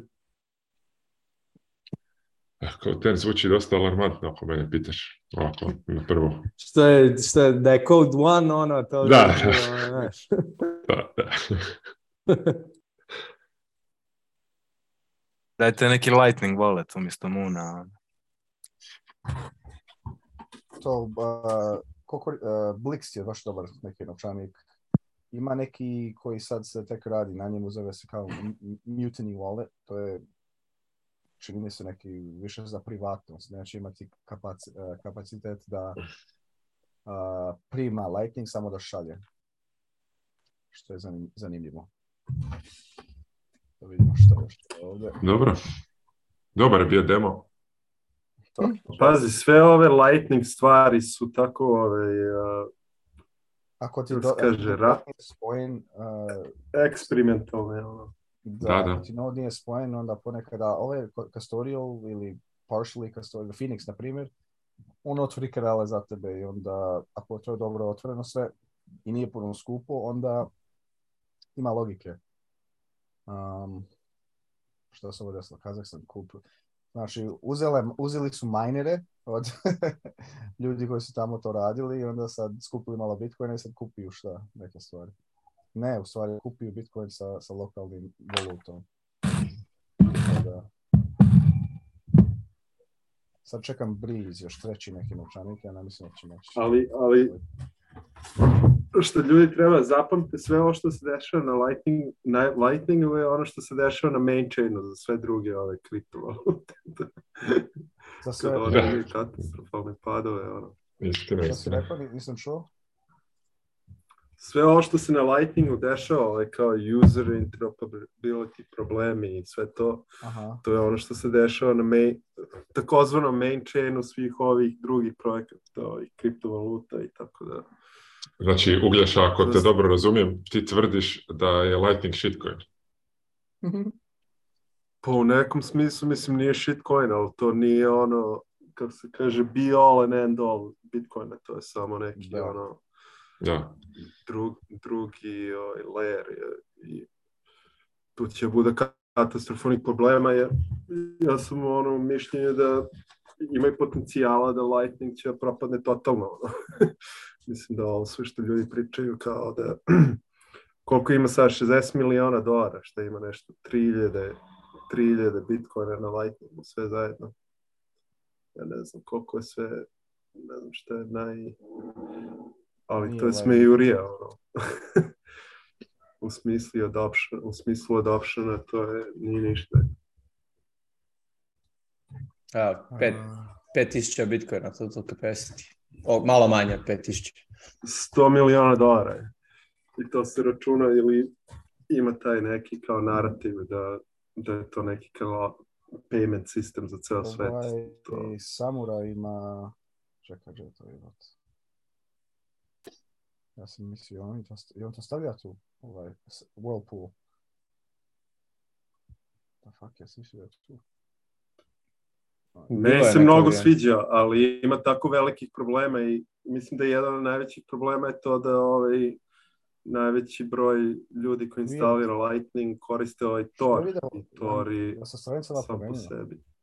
Samurai ima više nego Lightning uh, i ovaj Tornado Cash imao neke ogromne broje, on imao neke milijarde. E, pa dobro, ali Samurai to je druga priča. Pazujete ovaj da, Kazujete da je ovo još šta, još što ste malo, mislim 100, 100 miliona, da i Lightning. Ali Lightning je koliko ima tu, nije baš sad uh, kapacitet mreže. Uh, mislim, ta, imaš 80 miliona of channels, bukvalno to je pitanje koliko transakcija mogu da se prevede preko tih kanala, to je baš puno. Znači, mnogo više nego 80, 80 miliona. Ima mis, 80 um, miliona kanala, no, nema šanse. Pa ne, ne, kad, kad govorim... Ne, 80 hiljada, 84 hiljada. Čega? Skoro 85. Lightning Network je 85, 84, 981. 94 million. 94 94 Kanala. Uh, da, channels. ali the value of those channels is 94 million. Vrednost... Pa to, da, pa to. to ti je ovih 5000 bitcoina puta cijena pa, otprilike tako dođe. je... Ali al nije bitno. Da, ali što Mislim, ovo je skroz dovoljno za da. današnji kapacitet i previše. Ono. Imaš multipath payments i jedan channel može raditi beskonačno puno transakcija. Ono. Samo ne može odjednom. Da, da, da. Jeste spremni za... Ja se toplo nadam. ovdje. Ono, Ima bug ovdje, ako niste primetili, ovaj... Chain da, ne možeš da scrolluješ leo desno da, da, kada obrneš. Da, što hoće da stavi onaj, eh, kako se to zove na GitHub? Your PR, kako? Ono? Pull request, ali to moraš submitet kod za to. Dobro. Dok Ja znam da ste pratili, to je Gigi. Ja mislim da su oni odgovorili na GG evo ono zahtjeve. Da. Da, da, da. da. možeš da, postaviš onaj, onu grešku kao... da, da, možeš, možeš tiket otvoriti. Difficulty adjustments. Um, pa Možeš ti inače ovaj Clark Moody posložiti e, sam e. ove panele, pa da znaš onda uvijek gdje ti je, gdje ti je šta. Čekaj sad, uh, što sam gledao. Pazi, braš, screen aš cijelo vrijeme. Nemoj znam, se, znam. ovaj... Zajedno. Nemoj, nemoj se zeznut. Ovaj, nemoj... Sad tražiš? Difficulty adjustment koji... Ko... A pa ne, ne, vidio sam neki tweet, ne znam koji je izbačio, možda Marti, ali eh, oko koliko ima exahash na, na, mreži i kako difficulty je, je, skočio uh, koliko 10%, je što desilo ili... Da, na all time high smo i sljedeći ili target eh, bi trebao biti 12,3% a, a, a, ali 10 dana do, sad, sad smo se tek prebacili. Ne znam koliko, ali ovaj prošli je bio minus 2,1%. Tako da... Kako, des, ima neka stranica koja je baš neka čudna. Ja sjetim. Što tražiš grafove ili što? bila, bila neka stranica koja bukvalno pokazuje blokove, ima više nekih detalja oko, oko, oko mininga, difficulty koliko se promenilo, koliko i takve stvari, neke, ono per block level, nešto tako. mislim da je bilo nešto diff.cryptovis, ne znam. Ne znam šta je sad. Super je ovo. Ajde, slobodno vi pričate, ja ono samo gledam, čisto za sebe. Dobar dan. Evo, dok nađem to. Možda da koristiš dobro tražilicu. Dak, dak, go. Fuck, fuck, no. A imamo nove, ovoga. Da. Neko novi. E, ko je ti? Mislim, ja imam ideju ko je ti. Koja se smije. Halo. Ja sam samo voajer, bok svima. Ćao. Bog, bog. Zdravo, zdravo. Zdravo. I e, tako. Um... Demo uspješan. Ja da, demo je, bio, demo je bio vrhunski, to ćemo izrezati kasnije. Treba samo probati sa Lightning Walletom. Ono. Ili, ili kasnije kad uspijete, pošaljite snimku pa da ovaj, to ono, ubacimo unutra kao da je uspjelo s prve. Može, može. E, I tako, Bran, šta ima još?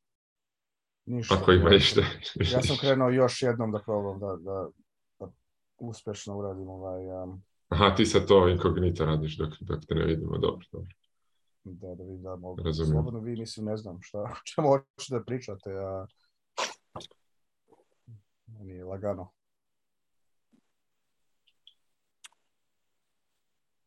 Mm. Jel ima neko iskustvo sa ovim Fedim eh, jer vidim da se dosta spominje i da je ovaj, Pavao tu više navrata spomenuo, Braž i ja smo našli nešto, to je Braž je našao onaj platin Mint, to je još u nekoj beta ili early access verziji, pa smo pokušali neku neku kao razmenu i to je uspjeh. Ali to je to. Da, to je, čini mi se, Signet mreža, ali sam vidio baš eh, na u paralelni polis, eh, ne znam jesmo spomenuli to mjesto, baš zanimljiv projekat koji je baziran u, sad moram da potvrdim, eh, oni su uradili uživo transakciju, čini mi se, iz Fedimenta na Lightning. ili na pačke. Uh, Čekija. Paralelni polis, znači imaju na ono svoju stranicu kao kriptoanarkija. Vrlo zanimljiva grupa, oni često se dešava neke baš cool Bitcoin stvari tamo. Um, rade kao hakovanje i takve stvari. Zanimljivo. Um, ali da, oni su uspjeli tu, tu pravu mainnet transakciju da urade, znači brzo to kreće. Ali to je kao možda malo, malo bolji neki model za, za, za custodial e, neke solutions. Naprimjer, kao voleto se toši trenutno, te se tošije se drže sa njima, sa tom kompanijom, a, imaju naravno naučenike koji nisu ili ako imaš svoj novu, to naravno ti čuvaš, ali ova Fedimi će pomoći da bude kao neka federacija e, igrača, neke kompanije, može biti više nego jedna i oni da jednostavno naprave neku federaciju koja je neki 5 of 7, multisig 3 of 4 of 7, ne znam. I čisto kako će to da se desi, sa ko će biti u tu federaciju, da li će biti Wallet, Wallet, Wallet Satoshi, svi da se zajedno skupe, da napravi neki Lightning Fedimint ili će to neka bukvalno Fedimint koji sad se izgrađuje taj projekat. Uh, ne znam kako će to da se implement, ono, implementira uopšte ali to će dati do, neku dodatnu privatnost za koliko god koristi to. Naravno, oni će da vide kad Bitcoin ulazi i izlazi. na Lightningu to je malo sad teže da se prati nego on-chain. Um, iako je to, ne znam, ne znam detalje oko kako to baš radi, jel sad to skroz na Lightningu ili može uopšte on-chain da se šali, nisam siguran um, ako neko zna nešto malo više o tome. To je kao generalni poziv da se neko javi. Da. E, mislim, ja ne znam e, specifično tehnički tome, ja niti ne znam ništa. Ja ne, ono, ne, ne, ne koristim ni Bitcoin, ni VPN, niti tako stvari, ali uh, htio bih ovako reći sa filozofskog aspekta. Mislim da je, da je super, super layer 2 rješenje. I da može postojati na Lightningu ili neovisno od Lightninga, jer unutar jedne federacije možemo izmisliti koje god tokene želimo e, i raditi ono, bilo kakve transakcije prije nego što setlamo on-chain. Vjerujem da će se to razvijati još u tom smjeru da će postojati razne opcije, razne implementacije, da će taj Shomyan Mins ono, postati gotovo kao nekakav eh, top level protokol E, kroz koji se onda može, mogu vršiti e, kažem, settlementi na, na, donjem leru. I, I fora je onda što nije niti važno koliko postoji različitih, kako bih rekao, e, svaka individualna federacija je neovisna svakoj drugoj, a teoretski ne postoji ništa što bi spriječavalo arbitrarno velik broj ili mali broj tih federacija da postoje i onda plasiraju konačne settlemente na, na osnovni layer. I tako, želim samo reći da mislim da je da je taj Šomijan Minc uh, izum uh, i njegova implementacija sad na Bitcoinu će biti eh, nešto što će imati potencijal da gurne Bitcoin standard masama i istovremeno se bori protiv tih cenzura i, problema sa privatnosti i svega ostalog. Jer, ono, znamo već da Bitcoin ima problema sa scalingom, da ne može se scalat na ono, globalno, kao globalno financijsko sredstvo na osnovnom layeru, što je sasvim normalno i sasvim ok za očekivati.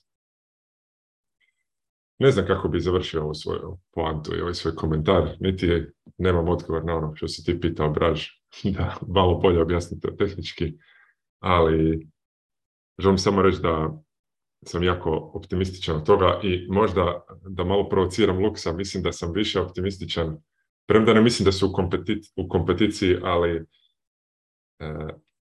mislim da dugoročno je bolja stvar za Bitcoin su show me admins nego lightning. U, zanimljivo. Mogu ja baciti jednu bombu malo. Ajde. E, Probajte da, samo da znate da je uspjela demonstracija. ne, Niko ne to ne vjeruje. Niko ne, ne vjeruje. se stranica kad dobiješ. E, Igore, pošalji sad, stavi novčanik nekada. e, niko vam ne vjeruje i dajte da, Pavel kaže što je htio. Ovaj, Probajte zamisliti desila se. Da Lightning uopće ne postoji i da ne postoji Fedimint i da ne postoji ništa od toga. Da imamo samo Bitcoin on-chain transakcije i probajte zamisliti da vam je svaka ta on-chain transakcija u prosjeku košta kao otprilike recimo 100, 100 dolara, 100 eura danas. Ok? E, da li bi, da ono, moja bomba tu koju, koju bacam je da kad bi to tako bilo, znači doslovno nema Lightninga, nema second layera, nema, nema fedimenta, nema ničega, imaš samo on-chain, u prosjeku ti je oko 100 dolara ono, transakcija koje hoćeš setlati u, sljedećem bloku. I imamo i dalje ovo, tradicionalne banke, svim imamo ono, bankovne račune i tako dalje.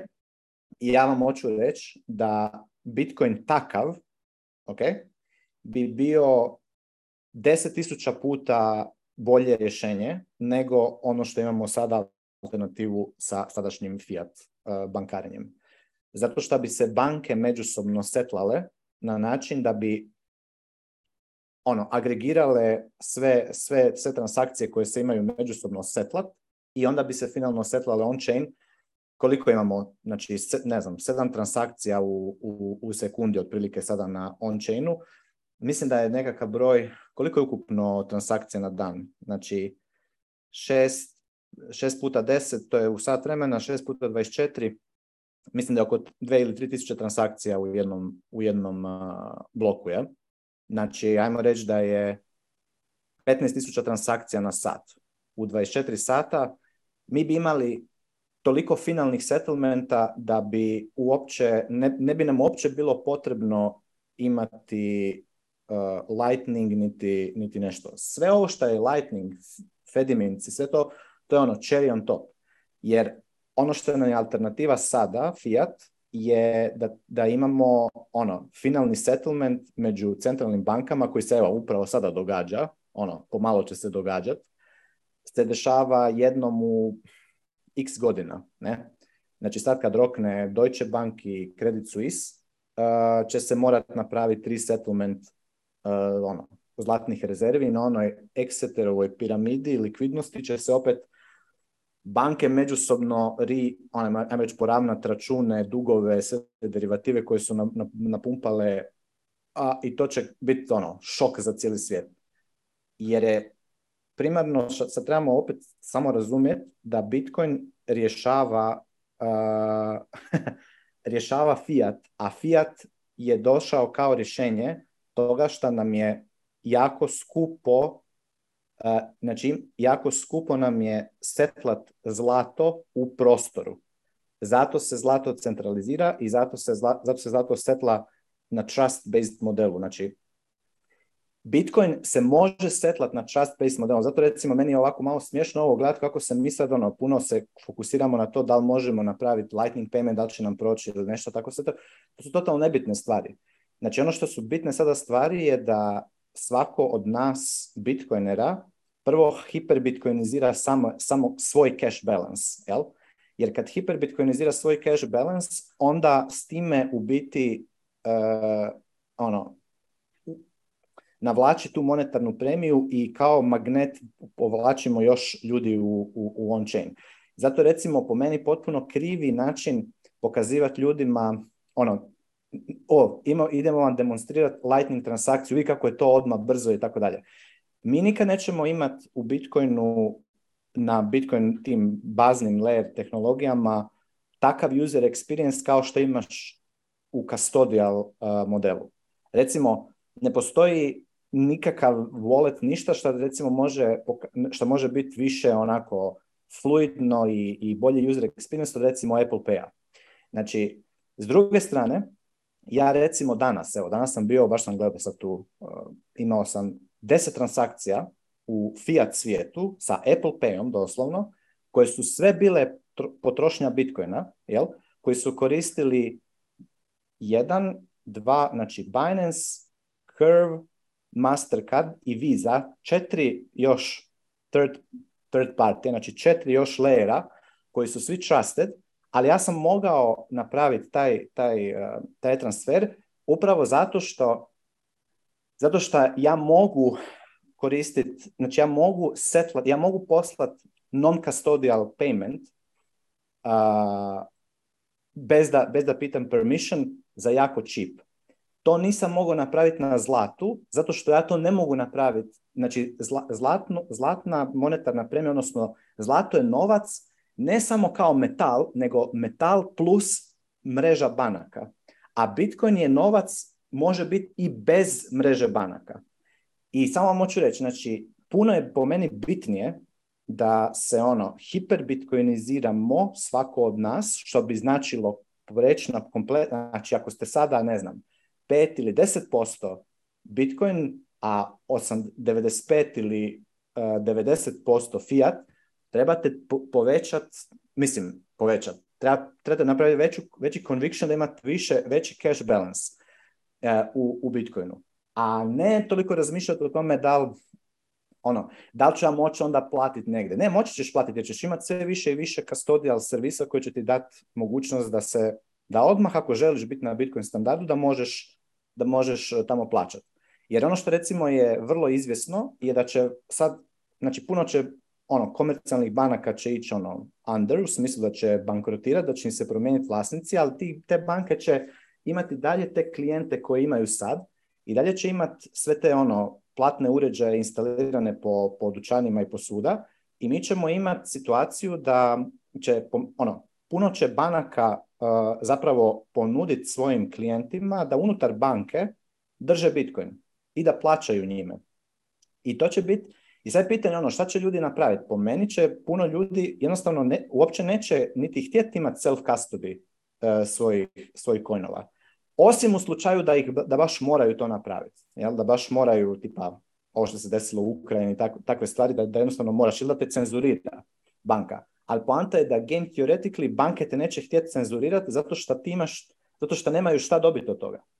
I zato se, evo, baš sad gledam isto na Twitteru, ovaj Metodel govori kako Wallet of Satoshi, kako je to ono, ko neka tempirana bomba, ljudi koriste Wallet of Satoshi to će biti ono veliki rug pull. Ali ja ne mislim da će biti nikakav veliki rug pull, zato što Wallet of Satoshi nema apsolutno nikakav incentiv da, da, da rug pulla ljude, jer ne postoji nikakva ekstra premija koju ljudi imaju na svom Bitcoinu kada ga drže kod Wallet of Satoshi. zato što ja i dalje mogu napraviti on-chain transakciju, mogu i dalje napraviti non-custodial lightning transakciju prema bilo kome, ne treba mi Wallet of Satoshi. I zbog toga oni nemaju monetarnu premiju. Zato ni nemamo to je fractional reserve banking na Bitcoinu. Zato nemamo ono, nema wallet of Satoshi Bitcoin. Nema Binance Bitcoin, nema uh, Coinbase Bitcoin, nego je sve to Bitcoin. da samo da, da, da skratim, ono, ne treba se toliko uh, po meni opterećivati sa time da li je sad uh, svaka ono lightning transakcija, da li je to zrelo, da li, da svaki put payment prođe, ne prođe i čak niti ono toliko, toliko razmišljati da ono, uh, to jest uh, inzistirati na tome da je, da je ono, neću, baš sam jučer pričao s ovim Bitcoinerom, on govori da ja ću ići na Bitcoin standard kad mene moj poslodavac plati u Bitcoinu. Ja sam njega pitao, će mi platiti u Bitcoinu, je rekao ne, ne mogu ovo ono, pa zato ja nisam na Bitcoin standardu. Plus ne mogu ga uvijek negdje platiti ali to je, to je ono, missing the point, jer ti ćeš onda čekati jako, jako dugo vremena, jer neće, neće Fiat samo tako, neće to ići ono, uh, preko noći u, u, kolapsi. To su, ono, Evo, mora sam malo to ovaj, baciti neku bombicu, jer... Podsjeća me na onaj Hal kad je rekao ono o, Bitcoin bankama. Bitcoin banke, da. ono, Fedimint najvjerojatnije će biti e, jedna, jedna opcija koja će biti puno popularnija ako, ako i kako, koliko budu ove komercijalne banke, ajmo reći, komplajale sa ovim e, Central Bank Digital Currency, odnosno tom, tom, tim pušem za onom totalnom centralizacijom. I zapravo je čak i taj puš za totalnom centralizacijom odlična stvar i zato što on forsira, on, ono, on tjera, tjera e, razvoj tih ono, novih, boljih, privatnih scaling tehnologija. Da, da, slažem se potpuno.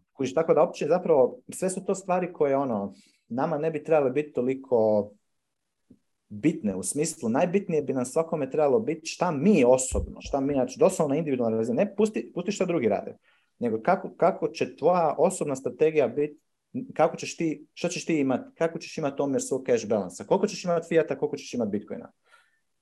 Ehm, I to je ona odluka koju svako treba napraviti sam, jer jer to je ono, evo ovo što je recimo ovaj Bitcoin Tina napravio sad nedavno, koji celu, lani je celu godinu kroz ono... Šta je bilo sa vidio?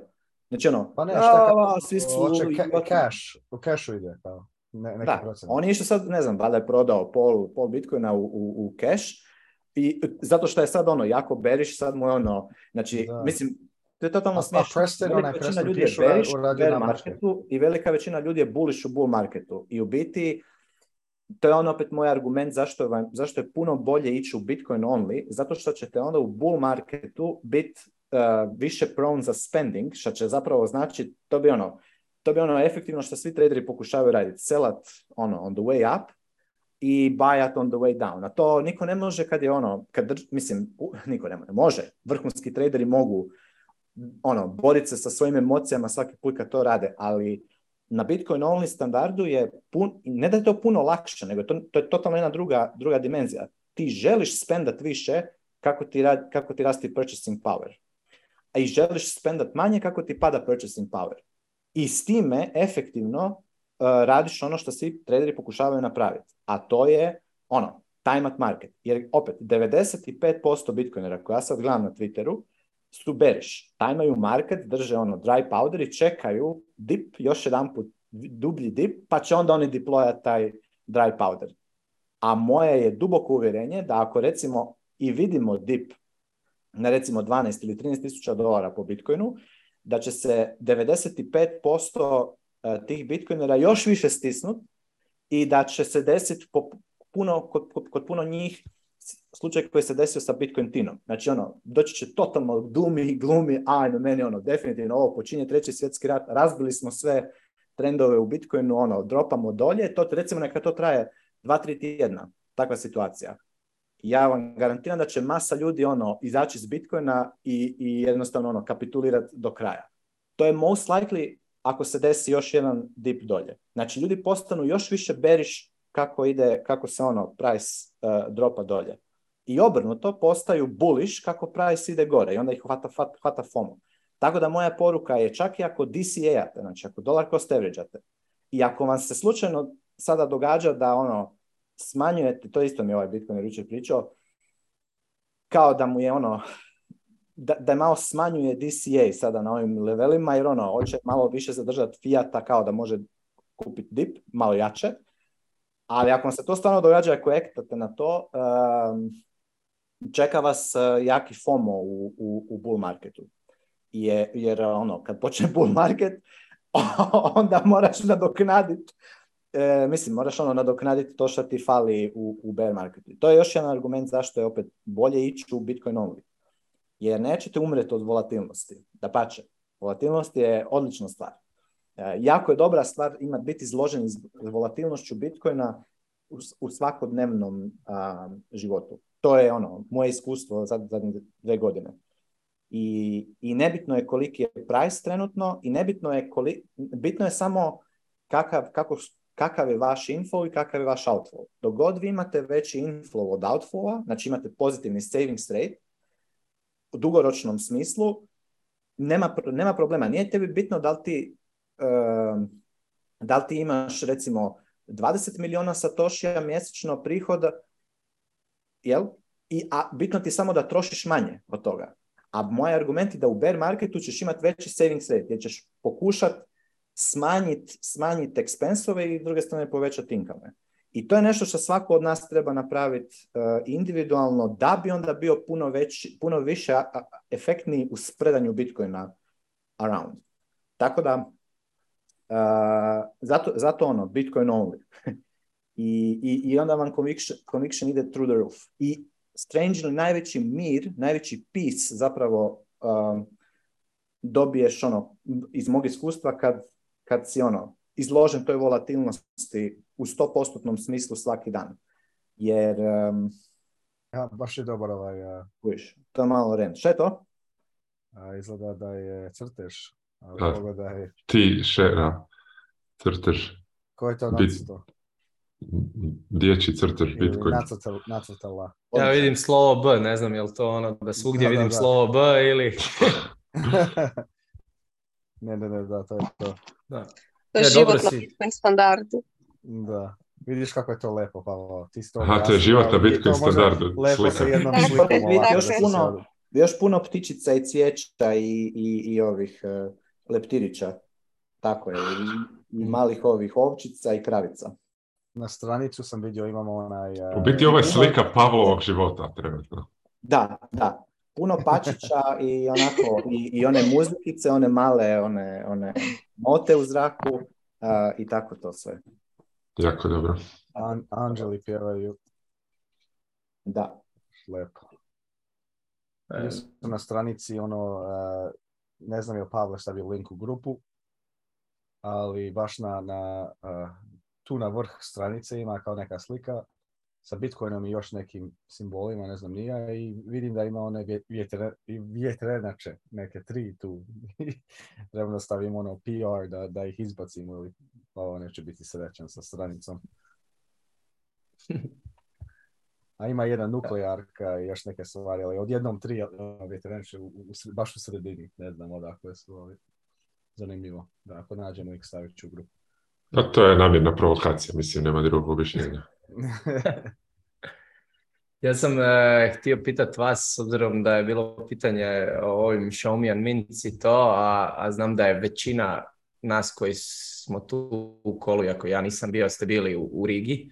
Eh, u Rigi, mislim ja znam kak je to na, tim konferencijama, ima previše stage-ova, puno, puno bolje zapravo pogledaš sve te tokove eh, od doma nego tamo, tamo je ono više minglanje i tako nešto, ali, ali prvi dan je, ja ću ubaciti zapravo tu linku u, u chat, je bio super panel o tim eh, Lair 2 gdje je bio ovaj Obin Vosu, valjda sam dobro rekao prezime šta je napravio taj Pediment i, ovoga, i on je meni super e, u tom panelu, ne znam, panel traje možda 15 minuta, ono pogledajte, ja mislim da sam linko točno vrijeme od kad počne, e, je po meni dao super, e, ono, to the point, zašto je Fedimint potreban i koji je kao use case Fediminta i, i ono, ukratko je zapravo da ljudi u budućnosti neće kupovati Bitcoin, nego će zarađivati u Bitcoinu, to je donekle ono vezano na ovu pavinu priču sada o Bitcoin standardu i to da ćemo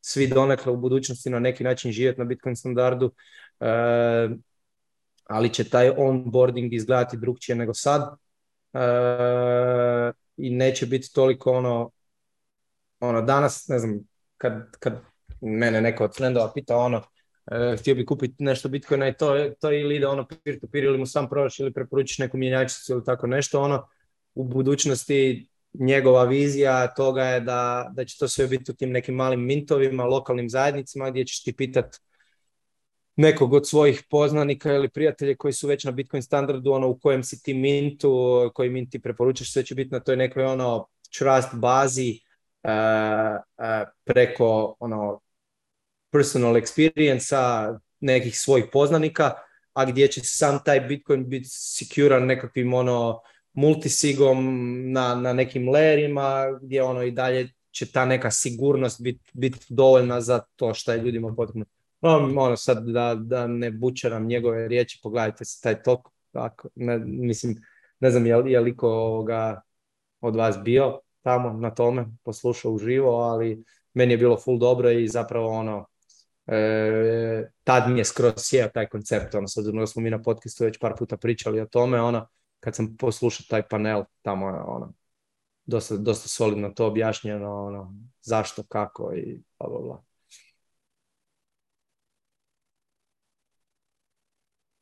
Zapravo, Pavo je spominjao već prije par puta uh, nastavno na, na, tu, na taj komentar oko CBDC-a i programa kojeg će centralne banke pokušati nama gurati iz kako je zapravo to protiv interesa komercijalnih banaka i zato će one same, same biti incentivizirane da rade protiv ili rade mimo CBDC-a i onda plasiraju svoje financijske proizvode i derivate i nekakve da Bitcoin, usluge.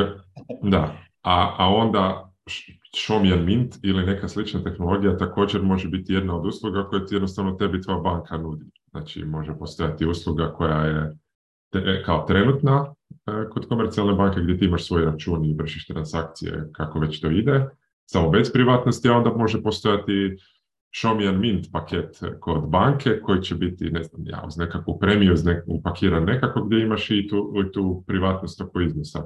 Znači, čak CBDC e, osim ako bude nekakav ono grozni, nasilni, militaristički puš gdje će se to E, učiniti ilegalnim komercijalnim bankama i kako poslovanje, premda to je malo vjerojatno.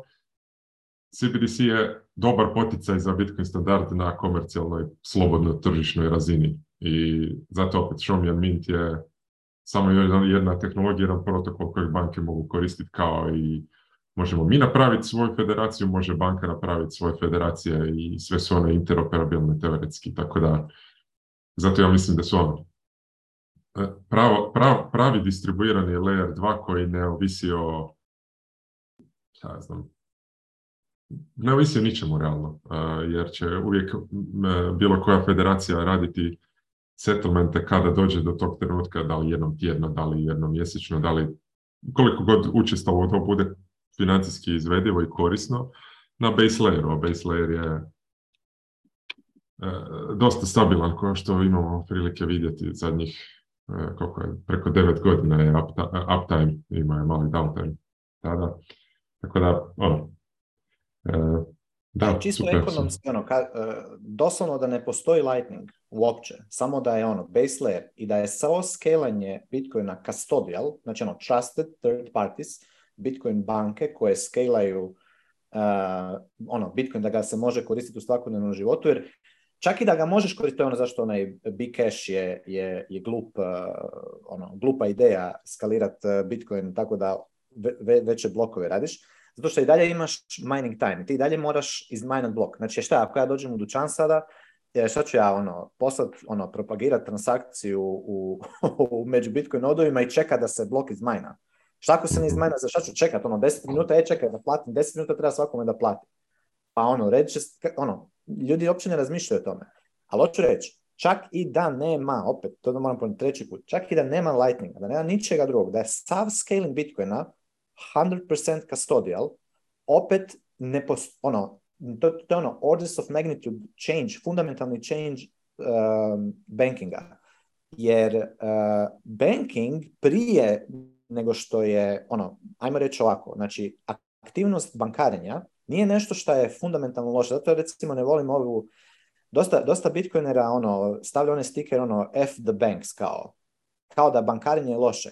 Ali moramo shvatiti jednu stvar, znači bankarenje je kao i svaka druga stvar, market activity koju postoji ono specijalizacija za to raditi, na primjer, imaš custody banking, zašto bi neko morao se razmišljati o tome kako će securat recimo da ima ono ogromnu količinu, ne znam, da ima 100 milijuna eura kupovne moći u Bitcoinu, ljudi ne žele self-custodijat toliku količinu novaca. Ne žele, ne žele imati headache oko toga kako će, šta ako izgube, šta ako zabravi, pa, šta ako nekako ono, kako će to naslijediti, kako će, ne.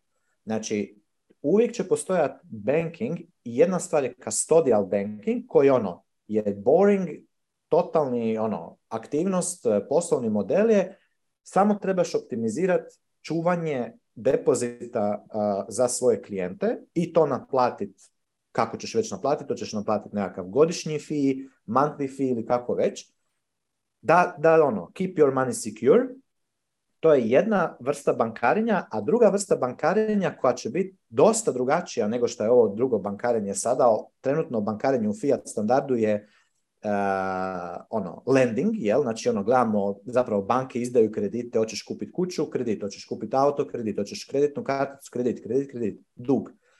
Na Bitcoin standardu banke, one koje su, ajmo reći, znači imamo custodial banking ćemo imati, s druge strane ćemo imati investment banking. Znači, banka će ti biti na neki način spoj broker između poduzetnika koji ima određenu ideju i onoga čovjeka koji ima, koji želi s druge strane staviti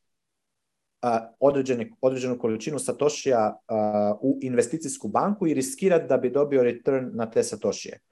I onda će, a banka će ih, banka će ih spojiti i ajmo reći spajati njihove profile rizika i, i, i onoga što neko hoće napraviti. Jer opet, znači, um, jer, jer ti nećeš jednostavno htjet, niko neće htjet iz, posuđivati Bitcoin za kamatu, zato što ti je recimo da kažeš pe, posudit ću ti 10 Bitcoina 5% kamate godišnje.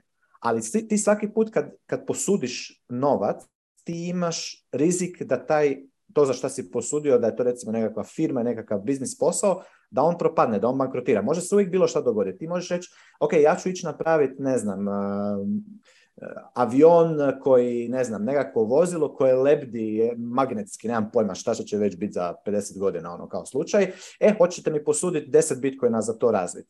E, neće, neće biti tako da će ljudi posuđivati za 5% kamatu natrag, zato što ako on propadne, ako mu se nešto desi, ako se bilo šta zdromi ga grom, ti izgubiš sve te bitcoine. Znači, izgubiš novac. Znači, ti ne želiš kepat upside, kamata 5%, pa ti je to cap na upside, a kad imaš unlimited downside u smislu da biznis može bankrotirati. Nego ti kažeš, ok, ja ću tebi, ja ću investirat svoje svoje bitcoine zato što imam tolike savings da ono, da sam osiguran za tri generacije u, u, napred, ono, ča imam, šta ću više sa tom, s tim svim parama koje imam, ajde malo ću sad tu ono, uložiti, pa ću možda dobiti nešto natrag, ali onda će to biti equity based uh, eh, ono, finance. Znači, ja hoću u tebe uložiti, ali pošto ono, ako propadneš, propašćemo skupa, ali ako ideš u, ono, ako napraviš brutalni nekakav novi biznis, ja hoću sudjelovati u upside Tako da će isčeznut potpuno ono,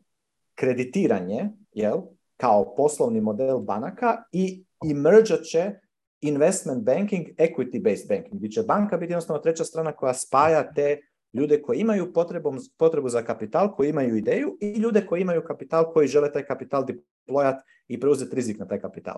A custody bank, banke će biti one koje jednostavno samo čuvaju ono, savings, jel? čuvaju, čuvaju novac. I to je izgledaju banke u, na zlatnom standardu?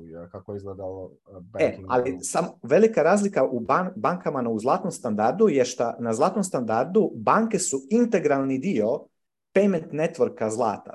Znači, zlato ti kad držiš zlato, doma kod sebe, kao što bi bilo self-custodijaš Bitcoin, ti ako self-custodijaš zlato, tebi zlato je izgubi užasno puno monetarne premije kad je kod tebe doma. Ti da držiš ploču zlata doma, kako ćeš ti s njom? Ti možeš lokalno platiti u svom, u svom gradu ili u svom selu ono gdje, gdje možeš doći ono walking distance.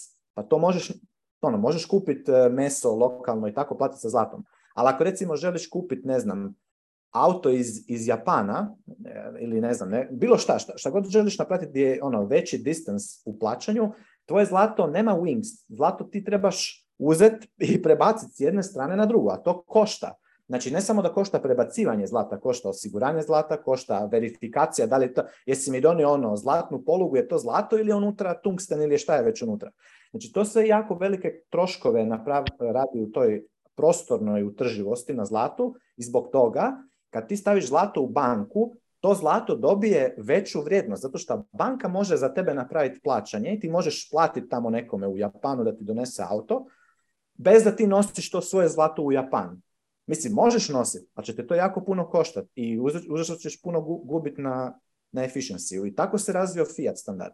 Ali kod Bitcoina toga nema, jer ako meni moja banka, ako mene moja banka iz bilo kog razloga cenzurira ili ne cenzurira, ono, radi, neku glupost, shenanigans, što je highly unlikely da će raditi, zato što nema razloga da to radi, jer monetarna premija se ne akrua s time da na, na Bitcoinu zato što imam custody. Bitcoin je payment network in, and of itself. Znači ja mogu Bitcoin poslati independent, peer-to-peer, -peer, independent od banke. Meni banka kao custodial koji će napraviti payment umjesto mene samo radi uslugu koju sam ja spreman platiti jer dobijem nešto, ono, efficiency, i peace of mind da mi banka čuva moj Bitcoin. I to opet ne mora biti 100% ali može biti semi, ono, može biti collaborative custody, može biti, vjerojatno će biti, kad budu fedimintovi, vjerojatno će biti situacija da ćeš imati x komercijalnih banaka koje će preživjeti, ono, neće bankrotirati ovaj sad, ono, Great Reset koji traje do 2030 koje će u kolaboraciji sa ovim bitcoinerima koji sada ono nekako se skupljaju u te grupe lokalne, raditi te fedimintove, Koji će ono biti ko nekakav black market worldwide, bježati od ovih e, psihopata koji bi ono, htjeli, htjeli ono, sve ono, doslovno dead slaves zombies imat koji ono, jedu bagove, i ono, kreću se u electric golf kart sa dva kilometra od prostora gdje im je njihov pot. I ono, ljudi će jednostavno što više, što će to biti ekstremnije taj, taj, taj centralno ono, dead slavery, fiat sistem koji ono sad ide u svoj endgame, što to više bude ekstremno, to će, što će jednostavno, jednostavno Bitcoin biti e, atraktivniji svima. Još uvijek, još uvijek nismo mi ni blizu toga da to bude toliko ekstremno da ljudi u masovno prebacuju se na Bitcoin standard. Čak tu ono, u Evropi, realno ljudi je inflacija je, ali nije to inflacija, nije hiperinflacija. Znači ono, kad je bila u jugi hiperinflacija, da si, ajmo reći ovako, da je, da je Bitcoin bio prisutan kasnih 80. godina na ovim prostorima sad tu na Balkanu, znači garantirano, ne bi trebali, znači, svi prijatelji, doslovno bi im trebali ono, 10 sekundi, Bitcoin, aha, čekaj, to ne mogu printat ko ove jugoslavenske glupe dinare, ono, koji su kupovali, kupio sam čunga lunge za 10 dinara, sad na jednom su 1000 dinara, znači to ne mogu printat, ok, idemo, ko u Venezueli sad, Znači, ljudi bi se odmah špilali. Problem je sad što još uvijek, još uvijek nije, ono, nije voda do grla, jel? i, ali pomalo. znači, sve to. Sad, ja si definitivno očekujem ove zime još jednu rundu ono, uspješne gorin špilanja kad ono, um, budu ti ono, skupi računi za grijanje, svašta nešto i šta već. Ali ovaj, kao što je bilo kad je bila korona. Um, znači jednostavno to su sve stvari koje akceleriraju Bitcoin adoption. Ali, ono, po meni, opet, najefektivniji, najefektivniji najugodniji način za, za Orange Pilat, svoju familiju, prijatelje i tako dalje, prvo se vi Orange Pilate do kraja, jer Orange Pil ti ga progutaš, ali možda ono, ga treba još progutat, treba ga treba, treba orange, jel? treba fully embrace taj to, to, ne se boja toga, jer ljudi se ipak malo boje, znaš ono, misle ajme meni umreću, na kraju se svi boje to da će umreti, nećeš umreti, mislim realno kužiš, ono, posti jedno tjedan dana da pa ćeš vidjeti da nećeš umreti, još ti se sharpenat mind, to treba napraviti, trebamo početi to raditi, te stvari, tako. I bit će onda, onda ono, baš lijepi, lijepo krasno i evo, sad nam dolazi, dolazi nam onako pomalo jesen i zima i sad će biti prilika da, da, da svi ovaj, kumba ja radimo. I by the way moramo opet organizirati, meni je ovaj virtualni meetup super, ali moramo organizirati nešto opet uživo. Tako, samo sam to htio još reći. Pa imamo meetup uživo u Splitu. U Splitu, da. Kojeg? 21. 21. Eto. A to je, mislim, to je, je to onako organizirano već e, za sigurno ili se još malo treba do, potvrditi? Mm, pa, ne znam. ja planiram matendat, ono, valjda neće doći Split, pa da nikog ne bude. Vidjet ćemo. Da. E, mislim da to ovaj iz Brainsa organizira. Vidio sam da je Igor rekao da će i Foundation Devices to isto tako da kao službeno sponsored by Brains i Foundation Devices meetup u, u Splitu. Budemo, budemo pingali Igora pa ga pitali malo detaljnije. Može, može, može, može. Odlično. Nego govoreći o, o real life e, stvarima, e, šta vi iz, sa, sa istoka Balkana imate za reći na tu temu? Bio je nedavno prije koji dan E, se pojavio na grupi onaj dokument gdje ste e, ono, za, e, za, za, za buduće traženje grantova za prostor i za udruženje i ostalo i bilo dosta razgovora o tome. Pa eto, ko bi mogao tu nešto reći uživo malo više? Pa Lux raised hand. je majstor. Evo čekaj, samo da Lux nešto kaže. Da, ovo ovaj, je triggerali ste me nekoliko puta, pa ono, čisto da ne ispadne da smo, da svi jednako razmišljamo.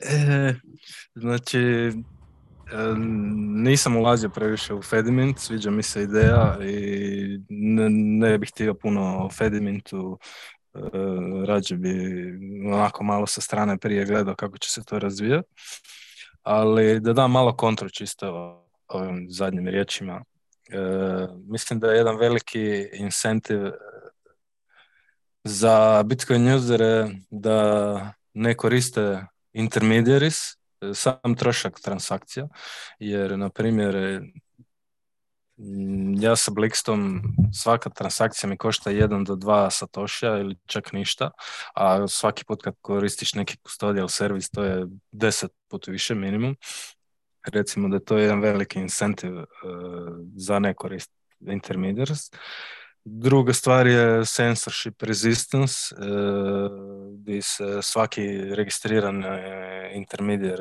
mora podvrgnuti zakonima i regulatorima. Treće je samo privatnost i i samo taj e, smisao gotovine da je payment e, finalan i setlan između dva čovjeka u trenutku koji je cijeli smisao e, gotovine i bitcoina. Mhm. I, još bi ovako malo filozofski odgovornost je jednako sloboda, znači E, ok, ljudi su neodgovorni, bla, boja se self custody i tako dalje, tako dalje, ali opet s druge strane, što, što je čovjek odgovorniji, to je slobodni, što veću odgovornost e, preuzima na sebe i samim čuvanjem Bitcoina i kako će on to prenijeti svojim potomcima u slučaju smrti i tako dalje, tako dalje, e, povećava njegovu osobnu slobodu ne, i agregatno. Eto, čisto da... Mislim da si dobro to rekao. Odlična, Ja sam potpuno podeljen u svemu što je Pavao rekao, mislim. Mogu odgovoriti samo, evo, da, ti bude lakše. replika. of course. I uvijek ćeš doći na Mislim, ne, ne uvijek, ali Lux, imaš male, fijeve na, na Lightningu kad šalješ male, pipiće. Ajde recimo da moraš poslat uh, milion satošija Eh, hoćeš imat 2-3 eh, fi. fee. Ain't gonna happen. Moći će, moći. Kako ne, možeš imati nula isto. Ok, ali ako nemaš direktno otvoren kanal sa, sa, sa paymentom, evo da ti pokažem. Mogu A u tome je poanta. Znači, evo, ja sam platio sada u petak milion satošija i 50 milijun 25.379 satošija je bila Bitcoiner dinar. Ok? Oko 204 eura. Znači, kako biš, zero fee? Kako biš ti to, uh, odnosno je, mislim da je uzeo 0, nešto, 0,9, posto je uzeo uh, Visa provider. Ali je bilo ono, plaćeno instantno. Kako biš ti to napravio uh, Lightningu sad? Znači, ajmo reći, merchant nema, nema, nema ovaj, nije orange Ne drži Bitcoin, a ako bi počeo, ako biš ga orange pilo uh, na mjestu, vrlo vjerojatno ne bi primio cijelu, cijelu, cijeli račun u, u Bitcoinu. I da li ćeš onda na kraju ne, ne napraviti uh, payment ili ćeš, kako ćeš napraviti?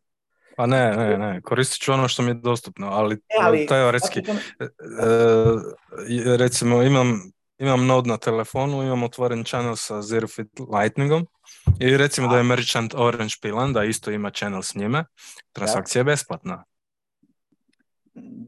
ok, ali nije besplatno zato što si ti platio uh, ovome Zero Fee, Zero Fee Lightningu. Znači, gledaj, ti možeš... Ne, ne, ne, nisam ja njemu ništa platio. Kako platio, platio sam samo trošak otvaranja da... channela. Da. A pa da, trošak otvaranja channela si mu platio. Znači, platio ne njemu, platio. sam mreži. Da. Pa da, ali platio si, znači ti ne možeš imati free, ne postoji ništa što je free. Uvijek imaš određene kostove. A ja ti samo kažem recimo da ti imaš Znači ti onaj cost kojega ne vidiš, taj unseen economic cost, ti opportunity cost toga što nisi na full Bitcoin standardu, zato što očekuješ da svi se prvo bitcoiniziraju, da ti akceptuju Bitcoin direktno, ono, non-custodialna, sav taj fantaziozni uvijek koji se by neće dogoditi tako. Jer ti opet, koliko god ljudi su, mogu biti vrlo odgovorni, određene stvari neće imati, uzimati personal responsibility za te određene, određene stvari. Jednako kao što ti ćeš uvijek imati određeni nivo trusta za to da recimo kada kupiš u dućanu ne znam, vodu ili bilo šta, da ti nije neko stavio otrov u tu vodu. Znači, ja samo argumentiram znači, da Bitcoin kao base layer, čak i da nema Lightninga, će napraviti, je, fundamentalno mijenja taj trust model, to je onaj Nick Zabo uh, article koji je vezan za taj uh, social trust scaling koji ima u svoj bazi nešto što je trustless. Jel? jer upravo zato što je na baza, baza monetarna baza nam je trustless, mi možemo imati puno veći trust među, među sobom. A obrnuto je u fiatu. Zato što nam je baza trusted, mi zato nemamo, gubimo trust e, međusobno. To sam samo htio reći. Mislim, nikad ti nećeš imati, upravo e, prvo ne postoji free, nema free, e, nego ima samo ono, value, kako bi rekao, znači imaš, ti uvijek imaš odluku da ćeš to što ćeš napraviti da li ti je to vrijednije ili ne s obzirom na opportunity cost alternative? I ja samo kažem da kogod, koji god Bitcoiner argumentira da neće ići na full Bitcoin standard, što bi značilo da sve ono što si, što se zaradio bilo, u bilo kojem shitcoinu governmental koji su ti platili, bilo to kuna, euro, dolar, funta, franak, eh, eh, kin, eh, jen, šta god tu ti plaćaju, rupi, indijski, da taj government shitcoin konvertiraš u Bitcoin i da, te ne, da, da, se ne bojiš volatilnosti Bitcoina, da nećeš moći platiti režije e, zato što će Bitcoin past za 50% u mjesec dana. Jer to se, taj dio se rješava sa budgetingom, a ne sa, ne sa razmišljanjem e, ono, koliko ću imati fiata, koliko ću imati bitcoina, da se izoliram od volatilnosti bitcoina. I onda koristite ove, a vidiš, ja mogu platiti sa lightningom i ono platiti jedan, dva satoshija fi da, možeš platiti s Lightningom Satoshi fee, ali gdje možeš platiti? Ne možeš još platiti nigdje, zato što smo još tako rano u, procesu bitcoinizacije. Da veći, većina bitcoinera nije potpuno hiper, ono, nije potpuno bitcoinizirana, nego je u procesu. mislim, pomalo. Ne, pa sve ok, ovaj, ali e, ako ja, ako smo već, ako, sorry, brać, samo sam htio reći, mislim da pričate nam e, dva različita ugla. A, razumijem ovaj Luksu, šta Luksu hoće reći, isto razumijem šta Pava hoće reći. znači, ali spojno, e, spojeno, ali like, I think it's like... Mislim, ja sam, ono, samo da kažem, ja sam prvi za to da, da plaćam, mislim, ja, ono, di god mogu platiti bitcoinom, ono ću platiti bitcoinom. Ali e, hoću reći da, ono, direktno, hoću reći bitcoin direktno, ne, kako bi rekao, ne, ovaj, ne preko kastodijana, ali ono, po meni pun, to je onako, puno je bitnije opet kako će svako od nas individualno, u kojem će se stupnju bitcoinizirati, do koje grane, do koliko, jer će se bitcoinizirati, Greg Foss kaže on se bitcoinizira 40%, on drži 40% ukupne imovine u, u, u Bitcoin, ali definitivno ima cash, ima fiata, x, jel ono, koliko, koliki je, koliki je taj stupanj. I moj samo argument je da postoji, ono, kad odeš u Bitcoin only, u 100% Bitcoin, znači brisaš full volatility, znači svaki dan ti ono, raste, pada kupovna moć, da, da imaš jednu dosta drugačiji, dosta drugačiji outlook na, na, na, te stvari i da možeš na vrlo praktičan način tako e, živjeti, čak i u ovom fiat svijetu gdje nije niko bitcoiniziran. A bez da, jer kuš, kad, ako te neko krene cenzurirati na bilo koji način, naravno ćeš onda početi, e, naravno ćeš onda ići e, koristiti e, ovaj, e, ono, censorship resistant. Da, to je poenta ovaj. cele priče, Pavel. Da. pričate o različitim stvarima. Ono. Tako. O, stvari tome da... Ja, se potpuno, ja se potpuno slažem da najbolji način da se koristi Bitcoin je koristiš Visa karticu. Ono. Svaki dan, ali ne, samo da se koristi, platiš svoj Visa račun da. Bitcoinom. ali samo, hoću reći, ne samo da je najbolji način da ti koristiš Bitcoin, nego je najbrži način da druge orange pilaš. Da, da, drugi počnu. Jer kužiš, ja kad sam sad recimo nakon godinu dana svugdje gdje tu god plaćam ja svima mogu reći da ja uvijek plaćam bitcoinom. Znači svaki put, pa znači, to je istina. Jer onda kad sjednem s njima i kad im kažem slušajte, znači ono, ja hoću sada, od sada nadalje, ono, da ako hoću, ono, dođem kod tebe u restoran, da, da ti platim u bitcoinu. Jer to je račun koji on neće morat ono, nužno uh, procesirati kako već ga mora procesirati, neće imati naknadu koju mora platiti Visa kartici, i neće imati governmental reket koji, ga plaća u, u, u porezno dodanu vrijednosti, i šta već drugo. Znači, onda će on reći, ok, onda ću ti dati popust ako ćeš mi plaćati sa Bitcoinom. Evo ti 10% popusta. Znači, ja želim do toga doći. A puno brže ćeš doći do toga. I onda normalno, kad je, kad je u toj fazi, ali onda idemo napraviti to properly. Onda ćemo ti otvoriti ono, e, ono lightning node, otvorit ćeš, imat ću, channel zato što ću ići kod tebe u restoran x puta i onda hoću da, ono, da imamo potpuno privatni, ko, who cares, ko, ko zna, nema niko, znamo samo ti i ja koliko imamo u channelu otvoreno. I onda je to, to je, to je ono, tako, po meni to je brži, brži, efektivniji put do orange peelinga drugih ljudi nego čeka da se oni orange pilaju sami. Mislim, oni će se orange pilat, ali treće će vremena. Da li mislim da može da se skupite kanale koji su sad open, uh, public, da se uh, to consolidate them into private, u, u, na, u, privatne kanale između ove najveće nodove, da li misliš da to možda pom, pom, pomogne privatnost mreže? Koga to pitaš, braš? Pa Luxa, zato on najviše da, da, zna o, o, o, Mislim, Lux, da, da, ajde, da kaže čovjek nešto. Ima smisla, ne znam. Ovaj, sad opet mijenjamo temu. Htio sam samo reći, ja, e, veliki je incentiv e, ako, znači, desila se već hiperbitcoinizacija, svi smo na Bitcoinu i Veliki je incentiv koristiti Lightning zbog samog troška transakcija. Dnevno radimo desetke transakcija i sve ti troškovi se agregiraju. Jedan satoshi će vrijediti puno više nego što vrijedi danas i to će biti jedan veliki incentiv da ljudi preuzmu odgovornost u, u čuvanju Bitcoina, da ne koristi treće e, strane i posrednike, jer jednostavno zbog troškova. E, koje je bilo pitanje, braš, sorry? Ne znam, ne znam, zanimljivo što čemu priča sad, e, nastavi. ovaj, e, kogod se boji samog sebe i ono, uvijek ima, imat će tu opciju koristiti kastodijane, fedimente. E, i šta god hoće, siguran sam da će biti dovoljno rješenja ono, za svih i za sve potrebe.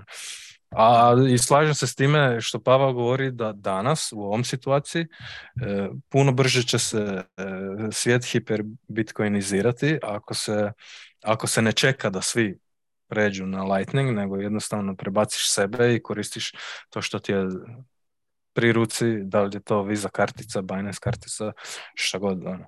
Tu se apsolutno slažem s tim. Ali ima tu dodatni problem da ti ljudi koji prihvataju Visa karticu, oni nisu bitcoineri, oni su ljudi koji prihvataju tvoje plaćanje i žive u fiat sistemu. I ti sve što radiš tvojim plaćanjem, ti prodaješ bitcoin i plaćaš... Tako je, tako je. Znači ti ga spendaš, ti ga trošiš. Jer Aha. ideja ista stvar, recimo, ogromna, ogromna glupost, totalni... Znači, to je potpuno, to potpuno nevezano ja, za Bitcoin adaptaciju. momentu se ponekad prodaje isto. E, da, znači, prodaje. ne postoji, jer ti razmišljaš o tome da prodaješ eure. Da. Trenutno? Da, jer ti prodaješ eure. Pak da. tako i ja. Znači, a je kupuješ eure. Ti ne kupuješ eure sa svojim vremenom, je tako? a prodaješ ih kada, kada kupuješ hranu. Znači, Vrati u Srbiji da, da Kuviš, znači, kad se na kupiš evre, plaćaš 5%, ono. Čega 5%, čega? Pa razlike u vrednosti evra da dobiješ evro. Da, da, da, da. Dobro, ok, da plaćaš 5% da dobiješ, da na svakoj transakciji... Ne, šalim se, ne prodam evra, ali nemam evra. Ali, da, u principu. Ali, ovaj, ali opet, e, znači, e, usporedi, usporedi koliko, tvoja, koliko tvoja kupovna moć e, pada i ti si u inflatornom ono, sustavu gdje ti sve cijene konstantno rastu, a recimo ja sam u defotornom sustavu gdje mi sve cijene u Bitcoinu denominirane konstantno padaju. I ono, znači opet, kako bi rekao, znači, prva stvar, samo ovo, ovo mi je ono, pet piv, znači, ideja neću nikad prodat Bitcoin je totalna glupost. Jer ako ćeš tako razmišljati, onda ću ti ja reći ovako, ok, onda samo kup, ono, kupi jedan satoshi, nećeš ga nikad morat prodat. Ili neko ko kaže, ja ću, ja, ću, ja uvijek samo želim da mi moj stek satoshija je sve veći i veći. Ok, onda kupi jedan satoshi mjesečno i na kraju godine ćeš imati 12 a počeo si sa nula, znači imat ćeš više. Znači, nije poanta, E, ali samo da ti kažem, znači nije poanta u broju satošija koje imaš, poanta je da tva kupovna moć over time raste, zato što ti ćeš imati za 10 godina, znači ti recimo sada, ti recimo, ne znam, zarađuješ x u, ajmo uzet ćemo nekakve jednostavne, jednostavne brojke, recimo da imaš, ne znam, 1000 eura ili 2000 eura coming in u mjesecu i potrošiš recimo 1800 eura coming out, ok? U eurima. Znači ti imaš 200 eura savings rate, jel? I sad, koliki je Bitcoin exchange rate, tebi je nebitno, jer tebi će, ono, prije, prije, tri mjese, prije šest mjeseci ti bi imao tri put manje bitcoina kad biš imao, znači imao bi tri put manje bitcoina u, u inkamu i tri put manje bitcoina u, u outflow, u expensu. A sad biš imao tri put više bitcoina u inkamu i tri put više u outflow. Znači razlike ti nema nikakve nego ti ima razlike u tvom ponašanju kad si na full Bitcoin standardu u bear marketu ti želiš inkrisati taj savings rate, znači želiš decrease svoje expensove i increase-at income. I onda ono, akumulirati je kulud. Ja sad akumuliram sa ne, ne, ne mogu, ne, nevjerojatnom brzinom. Kužiš? E, a, a, a mogu to napraviti zato što sam u bull marketu imao puno veći spending, znači imao sam manji savings rate i recimo ja sam pripejao određene stvari, recimo one troškove, na primjer imaš troškove koje radiš svaki mjesec, imaš troškove, ne znam, ono, interneta, struje, režija, najma, ako imaš, ako naj, naj, sve to skupa. U bull marketu pripejaš maksimalno koliko to možeš, tako da u bear marketu imaš puno manje ekspensove, tako da ti savings rate još, još veći. Ali ja samo kažem, to raditi dok god držiš fiat da bi ono apsorbirao volatilnost bitcoina, neće se dogoditi, zato što ćeš u bull marketu jednostavno osjećati FOMO i ćeš kupovati. Svi ono su hajpani i bitcoin je na 100.000 eura i sad ćeš ti ono, selat svoj bitcoin, možeš misliti, nego ćeš ga još više, inkrisat ćeš dolar cost average amount, inkrisat ćeš ono, i onda ne daj, ono, totalni bozo move je ići uh, get into debt i ono, dignuti kredit za, za kupiti Bitcoin jer si ono postao Bitcoin bull odjednom. Ne, ti u bull marketu trebaš spendati jer ti uvijek, uvijek se vraćaš sam na sebe. Ti imaš potpunu kontrolu nad svojim novcem i nad svojim planom što ćeš ti raditi sa svojim novcem. Znači, pustiš ove druge šta drugi rade. Da li, ljudi e, prihvaćaju fiat? Znači, ok, ja znam da 99% ljudi oko mene je na fiat standardu, je ono, dead slavery. Znači, zaduženi su, imaju ono, ne, jednostavno to im je frame u kojem, u kojem žive. ja sad normalno mogu ja njima, i probao sam, vjerujem mi, na, u puno, puno occasiona, na, sa puno sati razgovora i vidim čovječ, ono, ne mogu, čo, sjedim s čovjekom, pričam mu, ono, deset sati i, i on, nik, ne, on je pre, pre, ne, ne, ne, ne može, pre on ima pametan. Koji što to isto, isto imaš taj jedan efekt, da ljudi koji nemaju toliko možda niti obrazovanja i ne znam čega, nego malo svako, to je na onom grafu, oni će puno brže prestati filozofirati, što bi rekli, i uhvatiti se i poslušati ono što im, se govori. Ali ne treba se opće sekirati oko toga šta drugi ljudi rade, da li oni primaju fiat i drže fiat ili, ili šta rade. Nego je bitno šta ti radiš. Jer ti posjeću na tebe će se tvoja familija, tvoj krug bliskih prijatelja, kolega, poznanika i onda tako šire, kon, koncentrično širiti onoga što ti radiš. To sam ja iskusio na svom primjeru kako se širi oko mene od ono, taj, taj, taj nekakav ono, strong, strong, strong, strong conviction, ono, ultimativni conviction. Znači, jer šta bi se desilo? Recimo sada, kažem, da Bitcoin padne na 12-13 tisuća dolara, što sad ovi berovi svi kolaju, ono, Baš, baš još dobro. Znaš što će se desiti s moje, s moje strane? Znači ja ću ono, daj, čak bi možda i prodao moj skuterić koji sam ono uzeo u, u bull marketu, by the way, platio ga ono x puta manje satošija, da bi, pa bi dobio još više satošija za njega. Znaš, znači, zato se tako, raz, tako se treba razmišljati tu. Volatilnost neće nikad otići po meni, nikad. Možda će otići kada, recimo, 2140. godine izmajna se zadnji Bitcoin, nema više te dinamike ono, ono halvinga i, tako dalje, i Bitcoin se monetizira, ne znam, 5%, 5, 5, mjesečno naraste kupovna moć u prosjeku. Jedan mjesec možda ide na 7,5%, pa ono, kao mali bull market mjesečni, jedan mjesec malo bear market, pa je 2,5% samo, aprecijacija mjesečne kupovne moći. Pa je ono, ti, ti swingovi su onako maleni. Svi znaju da svi su razduženi, fiat sustav je ono ispario, niko više nema ono, ne, ne, ne drži dug, sve, svi ono imaju savings, i kupuju i sve je divno i krasno. Ali opet Bitcoin je onako lagano volatilan. Ali opet ćeš morat razmišljati, kužiš, e, morat ćeš planirat, kako ćeš, kako ćeš imat savings rate u kom trenutku. Nećeš opet moći ne znam, ja, e, teško mi je sad opet, malo se malo opet malo zapričao previše. Ali. Nije odličan monolog, ali, ali, ali ja pričam e, ono, strikno o tom kao praktično korištenje Bitcoina trenutno je to što da. se slažem s tobom. Da, pa vrlo jednostavno. Koristimo ono custodial servise i na kraju mjeseca platiš račun bitcoinom, uradiš... Tako je, ja, ja koristim custodial Binance. Ne treba ti, Banke svoje... Ali s druge strane stoji ono, glavna stvar bitcoina, to je korišćenje uncensorable money. Ono. I to je ono gdje ulazi u, pitanje taj Lightning Network koji je i dalje eksperimentalni i mislim da je mnogo eksperimentalniji nego što ljudi to vole da priznaju. Pa, ali ti prvo moraš biti senzibilan. Ali to mora da postoji i ljudi moraju to da koriste. Ti prvo, tebe neko prvo mora cenzurirati. Kužiš? Znači, ne mora. Eh, mora. Zašto mora? Pa mislim, neka te prvo cenzurira, neka da, da imaš cenzurom. Znači, da imaš, ja recimo sam imao ono... A to neće postane samo od sebe, ono da se samo pojavi, evo, odjednom imaš ansensorable. Da, znači recimo ja sam u korona histeriji. sensor. Samo, znači gledaj, u korona histeriji ja nisam držao fiat na, bankovnom računu. I da sam držao fiat na bankovnom računu, apsolutno sigurno ne bi, ne bi išao ono, u konflikte sa, sa ljudima oko nošenja maski, E, ono, policije imao konstantno, ono, zato što bi me, ne zato, što bi me bilo strah nužno šta će, da će mi policija zdabiti kaznu od 500 kuna ili nešto, to je šta je to, 50, 60, 70 eura, nego zato da me ne bi blokirali e, račun, to što su napravili u Kanadi.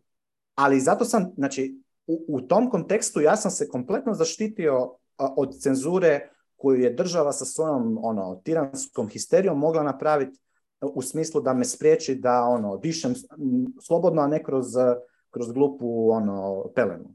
Znači, e, tu ti koristiš Bitcoin kao censorship resistance. Ista, ista stvar kada ti recimo država ti kaže, gle, ti sada, ti trebaš e, ono, mi imamo, ne znam, porez na dohodak 50%, pol toga što zaradiš mora ići u državu. Ok, dokaži mi koliko sam zaradio. Ili ti pošalji ono, Znači tu, ili recimo država ti ne da da pošalješ, odnosno banka ti ne može, ne želiti ti poslati transakciju negdje, ne znam, u gdje god. Pa i cenzurirao si, nisi cenzurirao, imaš Bitcoin za to. i ona najveći možda, najveća stvar od koje se zaštićuješ je zapravo se štitiš od toga eh, theft through inflation, jel, od theft through debasement. A hoću ti reći, znači, ovo po meni su taj Lightning, hoće li ti Lightning transakcije sada proći, koliko je Lightning ispoliran? Lightning je nov, još uvijek je ono, 2017. nije još bilo, mislim, ni 2018. u bear marketu nije bilo praktički ono, ono bilo je, malo je to ono, tek počinjao. Sad je, sad ajmo reći, počinje, počinje biti onako već solid use case, ali hoću reći, pomalo, pomalo, to je još uvijek, to se, ali to je sve cherry on top za individualne bitcoinere danas nije toliko krucijalno. Osim ako nisi u situaciji da si orange pilao nekoga koji je, je visoko cenzuriran, kao što pa se brzo postao mesari. Pa da, sa svojim mesarom ćeš lijepo otvoriti Lightning channel i plaćat ćeš mu Lightningom totalno privatno, niko drugi neće znati da si ti kupio jednu lijepu junicu od njega.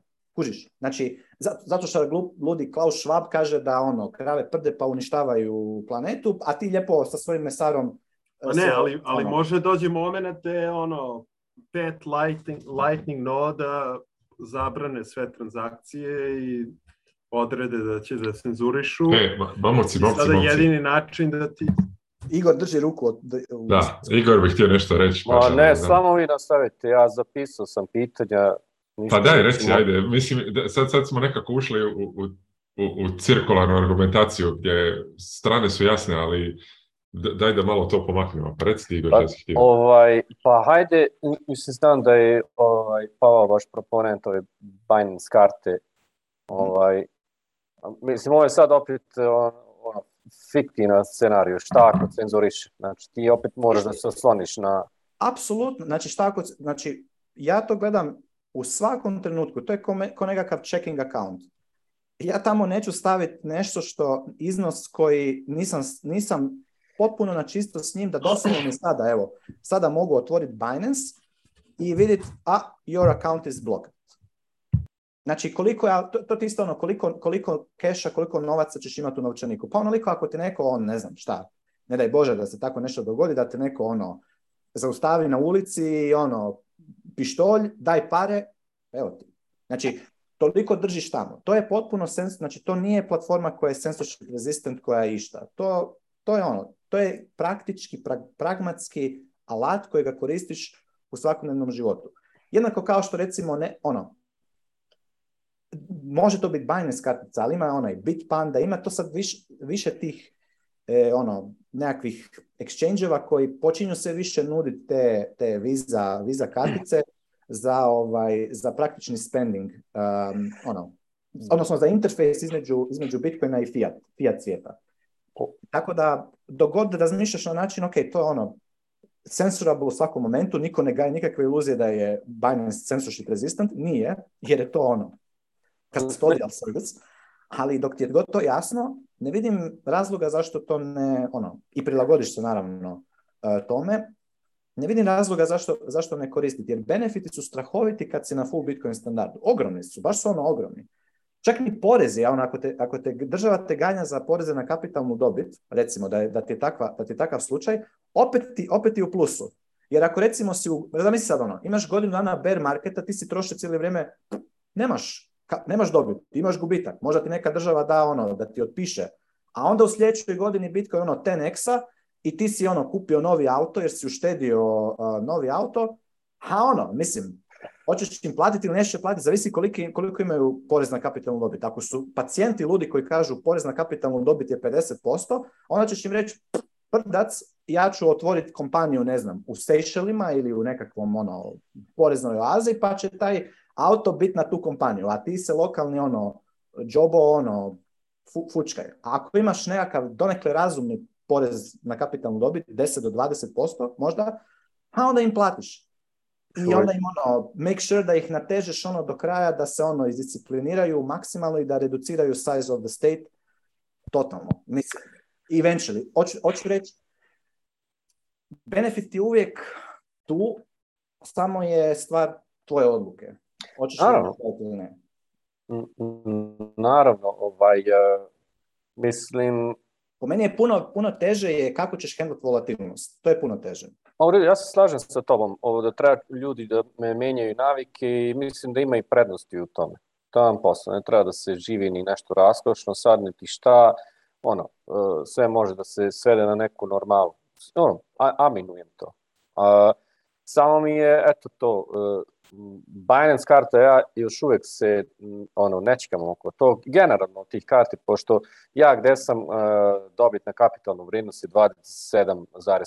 Ja već sam spomenuo to u, jednom od, od prepiski gdje smo imali, to je ono, da se čovjek upuca. to, a mislim, to... ima načina, naravno, kao što si rekao, se nađe neki način, ne tam posla, ono, kogod sad ono gleda to, ne, ne, ne teram narod na ništa da ono da ih dovede iza rešetaka, ali ono, uh, znaš, samo, samo eto zbog, eh, zbog toga mi je, mi je jer će, uh, znaš, svaka tebi čas na samouvjerenju i, ovaj, i tome da ono, ja bih volao, vjerojatno i zbog brade, pa zbog toga ja, ali, ali ovaj, znaš kako, razmišljam uvijek sljedeći put kad mi zvoni neko na, na vrata, da li će onaj da mi donese hranu, poštar ili će mi bude iz financijskog.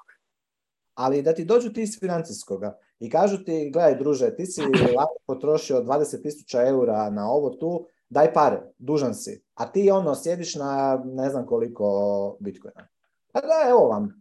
Ono, platiš i to ti isto, ja volim koristiti uspredu, usporedbu, to ti je ko da ideš, ne znam, tamo negde na Sardiniju, Siciliju, nemam pojma, negdje u neki grad mafijaški. Sad ti kaže ono, bit ćeš tamo, ne znam, dva tjedna. I dođe ti neki ono lik i kaže ti, uh, gledaj, parking 100 eura, moraš platiti. Inače, odu gume. A znaš da si došao u neko mafijaško mjesto, pa ćeš mu platiti. I onda će ti lijepo još, ono, će te tamo platit ćeš mu. To, država je reketarenje, to je jedna velika organizirana mafijaška organizacija kriminalna koja koja samu sebe legitimira kroz uh, cijeli, cijeli ono niz sofisticirane propagande kojom te ono u biti tebe straši da ti sam sebe zapravo cenzuriraš s tim. Ne, pa pit, ono, koliko sam vam dužan? Ha, pa dužan sam. I ovako onako ćeš plaćati. Gledaj, vjeruj mi, naplaćat ćeš se ti poreza kako god okreneš, jer još uvijek ono, e, ljudi ti stavljaju, integriraju cijenu svih dobara i usluga porez na dodanu vrijednost. E, imaš ono, e, imaš tih parafiskalnih nameta. Mislim, ono, ja sam, ako hoćeš kupiti bilo šta, pa, ideš na tankat benzin u auto, već ćeš platiti posebni porez na, na, ne znam šta već, trošarine, ove, one. Uvijek ćeš ti, nemoj se bojati, država ono, i, i, i siš, se ona iz tebe van i nasisala se jako puno ali moj argument je ono, da, ono daj, nemoj, ono, nemoj barem ti fidat još dodatno, kužiš, iz svoje vode, Pa daj barem ono, malo, neka bude ona fet debela je, e, troma je već, kužiš. E, nek se ona malo stisne, lin, kužiš. a, a, da, ne znam. Ma, super, mislim, shvatam. Uh, da li biš, da biš da ti tvoja banka, da ti tvoja banka ponudi Uh, ono, Bitcoin, Bitcoin banking, full, full ono, 100% da je možeš verificirati koliko ima, ono, signačerno verificirati koliko, joj, koliko ima backinga. Recimo da tvoja banka kaže, mi imamo 1000 Bitcoina, mi nudimo sada Bitcoin ono, debitnu karticu, nudimo Bitcoin štednju i to je to, možete nam ono, poslat uh, depozitat Bitcoin, znači poslat on-chain lightningom, možete vidrovat on-chain lightning u svakom trenutku sa jako malim fijem i da kažu e, evo, to imamo, imamo, imamo tu opciju, ne moraš mijenjati banku, ne moraš registrirati neku novu, neku novu ono, financijsku, ne, Binance ili bilo koji drugi exchange, sve to imaš kod mene u banci. Pa ja, ja bi osobno to rekao, može.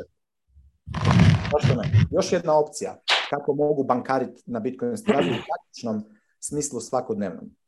Jer ja ono jednostavno ne vidim više Bitcoin, barem na mom vlastitom primjeru od 2020. od ljeta, ja ne vidim više Bitcoin kao nekakvu investiciju ili kao nešto što ću ja negdje u nekoj budućnosti dalekoj prodat za dolare pa onda nešto kupit. Nego je to ono, money, svaki dan.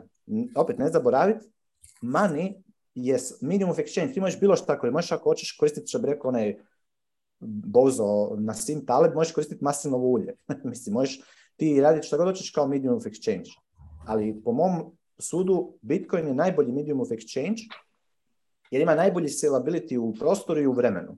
A, to što je volatilan, to, to isto jedna velika glupost fiat, fiat standarda koja nas je naučila da je volatilnost u cijeni nešto što je loše. Nije loše.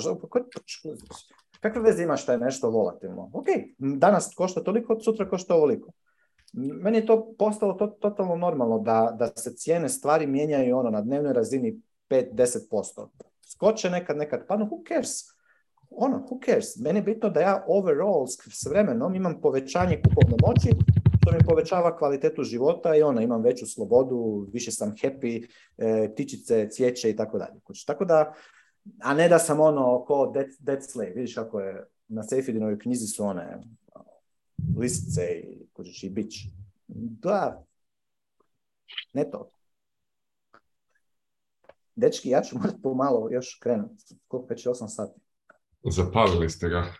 E, A zapalili smo, da. ja sam, ja sam čekao već od kako smo ti ganj spomenuli, ja čekam ovo. Da. Uglavnom, mislim da je cijela panta ove diskusije kad ste odjelo. mislim, to je samo stvar spektra. E, može biti 0% kustodijal do 100% i sve između toga. I o tome se samo, radi. 100%, 100% u Bitcoinu, to, je samo bitno. Olinajte lijepo, ne se bojati. Ne bit bearish, ne spekulirati, ne, ne, misli, šta će Bitcoin napraviti sutra ili za tjedan dana ili za mjesec dana, e, nego šta je Bitcoin napravio jučer, prije tjedan dana i prije mjesec dana i šta, kako je to reflektiralo vaš, vašu kupovnu moć. To je ono kako te treba gledati na Bitcoin standardu, Znači, reaktivno na Bitcoin. Ne proaktivno anticipira što će Bitcoin napraviti, jer je to ono, truba u vjetar. Ja vam mogu reći, 95% sam siguran da ćemo imati pauzu e, ovoga Fed, Fed e, e, rate hajka u recimo u 12. mjesecu, da ćemo imati ogroman ono pump do možda i do 100, 150 tisuća dolara do trećeg mjeseca, do proljeća 2023. da ćemo onda krahnuti, ono, da će cijeli market sve će ono roknuti 80% i da ćemo imati na economic depression dve godine. I šta, ćemo, šta, šta ćete vi sa to, tom informacijom? 95% sam siguran u to. Kaniš, a, a puno je bolje jednostavno ono, šta je Bitcoin napravio? Sad je sam se probudio jutros, je Bitcoin je napumpao 10%. Ok, rekonsajlam svoj, svoj budžet, imam 10% veću kupovnu moć, rasporedim u svoje kategorije. Obrnuto, Bitcoin je pao 10%. Šta moram napraviti? Moram rekonsajlat, moram rebalansirati budžet, dovesti budžet natrag u ravnotežu. Tako da imam uvijek zero-based budget. I onda sam ja na miru. Ne, opće mi nije bitno. Ako je Bitcoin ovako kao što je sada, pol godine ono, pada, pada, pada, pada. Tri put, tri put manju kupovnu moć ima jedan Bitcoin danas nego prije 7-8 mjeseci, 9 mjeseci. Šta ja, šta ja onda, šta ja radim njih 8, 9, 10 mjeseci? Ja, ono, e, rebalansiram budžet i normalno prirodno mi dolazi da optimiziram, smanjujem troškove, jel, koliko, pa ne, potpuno, ali koliko mogu, smanjujem troškove, neću sigurno vidjeti neke velike troškove, velike troškove sad. I gledam kako ću povećati income, tako da povećam savings rate, I, znači ono, nema, ne možeš biti više loaded nego toga, od, od toga. Jednostavno ne možeš. Imaš ogroman, veliki stek radiš, jer savings rate raste u Bitcoinu, u Bitcoinu, ne u u glupom Fijatu. A onda u, u, u, u bull marketu ideš obrnuto. Jel? Sve to što si, za što si štedio, hitaš te savings targete, kupiš, jel? napraviš, platiš, platiš. U fiat standardu ti je ono, consume now, pay later. To je ono sad najnoviji bullshit njihov. Buy now, pay later. A na Bitcoin standardu ti je pay now, consume later i što kasnije odgodiš taj consumption ćeš dobiti bolji, bolji discount na, na, na payment. Tako da to, su, to, su, to, to je velika promjena u, svakodnevnom načinu života, zato što ono, imaš deflatorni, visoko volatilni novac, naspram inflatornog, ono, nisko volatilnog, stabilnog pušenja, ono, polagano dying off. I ja samo kažem, nemojte se bojati, ništa se neće desiti, da pače. A onda ovo sve, Eh, kako, šta, Lightning, koji wallet, kako, di, to, to, su to su više tehničke pitanja. Onda se treba javiti luksu i onda ono, da se lijepo ono, kako Bog zapovijeda, napravite eh, i Lightning channel svoj i da naučite raditi u Lightning node i to sve skupa. Ja još uvijek sam bozo koji još uvijek ne da mi se, kojiš imam, i dalje imam taj eh, i paj ovdje, vidiš, tu mi stoji ovaj eksterni disk, E, sa, sa svim Bitcoinom i to. Meni se to još uvijek nije dalo e, instalirati i ranat, zato što znam da mi je ono, pre, previše transakcije radim svaki dan i rađe bi rano to da mi je to negdje hosted dalje od mene, znači tipa nešto tipa voltage ili nešto tako, da ja se ne moram brinuti o uptime i tako, jednako kao što neću, mislim ono. Ne, ne treba ti to. Ne treba mi, šta god. Neću self-hostat svoju web stranicu, neću ja sam raditi svoje odjeću koju nosim, nužno. Ono, mislim, mogao bi možda ono, trebalo bi mi x godina da naučim šivat e, i ono, prest e. pamuk i nemam pojma šta, strizat ovce i, i raditi vunenu majicu. Ja imam, ono- sorry, da a, ono, ne znam koliko ćeš još dugo da te prekinem. Ovaj, e, u bull marketu je pay now, consume later, u bear marketu je consume now, pay later. ne, dobro, ja, ja, osobno mislim da je bilo kakav, misliš to kao get into debt? To po meni je... Ne, ne, pa- ima ona spika, pa- ne znam koja je priča Pulio ili neko od ovih da, da sve plaća kreditnom karticom i gomila dug i onda čeka bull market da ga podmiri. Ah, ja, ne bi to, ja to ne bi preporučio, ja to tako ne bi mogao, ne bi mogao spavat na miru, jer bi me, jer onda bi me bilo strah, hoće mi se e, nakačit e, neki ono, e, debt slavery overlord i da me neće početi ono, ganjati. Plus što ne želim biti u situaciji da me, zbog toga što imam dug, da mi se nekakav potencijalni, potencijalna situacija da bi mogao preuzeti određeni rizik poslovni, da bi dobio veću, veći prihod, da ga ne mogu preuzeti zato što imam dug jer mi onda ono, riskiram da odem u, u, u stečaj sa dugom. Tako da, što se toga tiče, tu sam ono strogo, strogo nula, zero debt, Uh, ono, nikakav, ni, ni, opće me ne zanima. Mislim, ko može, svaka mu čast, ja osobno ne mogu biti kompletno 100% racionalan eh, s novcem, nego znam da, me, znam da bi me ne bi mogao spavat na miru. A ovaj, ali ono, u, kako god ko voli. Tako da, um, mi ono, malo mi je tužno gledat kako koji čak ti kad se zadužiš i digneš kredit, naravno Fiat kreira taj, taj novac e, i devaluira e, ono, štednju ono, drugih i to mi je nekako, ne znam, moje mišljenje samo, ali svako neka radi kako, kako, kako želi. Ja nisam za to, za, ono, debt free, budi debt free, budi na 100% Bitcoin standardu i, i bit će to ono, super.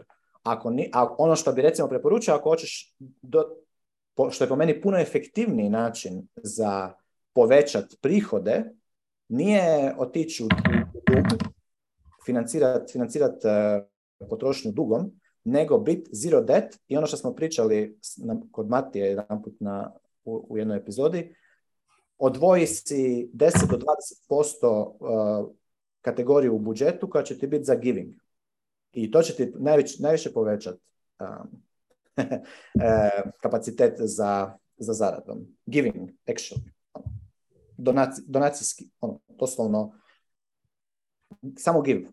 I to je, to je recept koji, koji ga ono, promoviram u smislu da, da, da it works. A getting it to that mislim da je jako, jako dangerous uh, i ne bi ga preporučio nikad.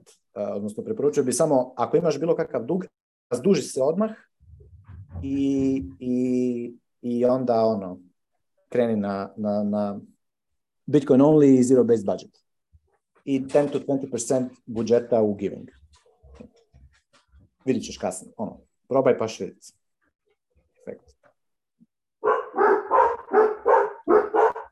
Dečki, ja ću vas sada pozdraviti. Pa se slažem. Važi. Pas. E, Pozdrav, se, vidimo se. vidimo se u Splitu. Vidimo se u Splitu. Ja se e, nadam. Da ovaj Wolfram će tu u grupi, on isto ide u Split, čovjek će, došao tu na rabu, hoće kupiti trimaran, jedrilicu ono sa tri, i živit na njoj. Stvarno je lik malo iz Njemačke, pazi, bježi. Znači imamo izbjeglice iz Njemačke, ekonomski izlazi. Zamisli, da. Koje vrijeme, koje vrijeme, a? Ono, ko bi rekao da, će ljudi bježati iz Njemačke u Hrvatsku, koji ljudi su prije, ono, gastarbajteri su išli u Njemačku, a sad tamo im ono govore, nemojte se tuširati sa toplom vodom, nego, ne znam, nemojte previše e, kao koristite onu krpicu za tuširanje, a ne ono, ne znam šta, spužbu, nemam, nisu normalno, to to. su bile u pravu. Doći rekao, čovjek da je najgore od svega toga šta i dalje u njegovoj ono, krugu, on iz Minhena, ono, znači, Velika većina ljudi oko njega, ko ovce, ono, da, da, tako, to treba, trebamo, ono, borimo se protiv ono, Rusije s tim,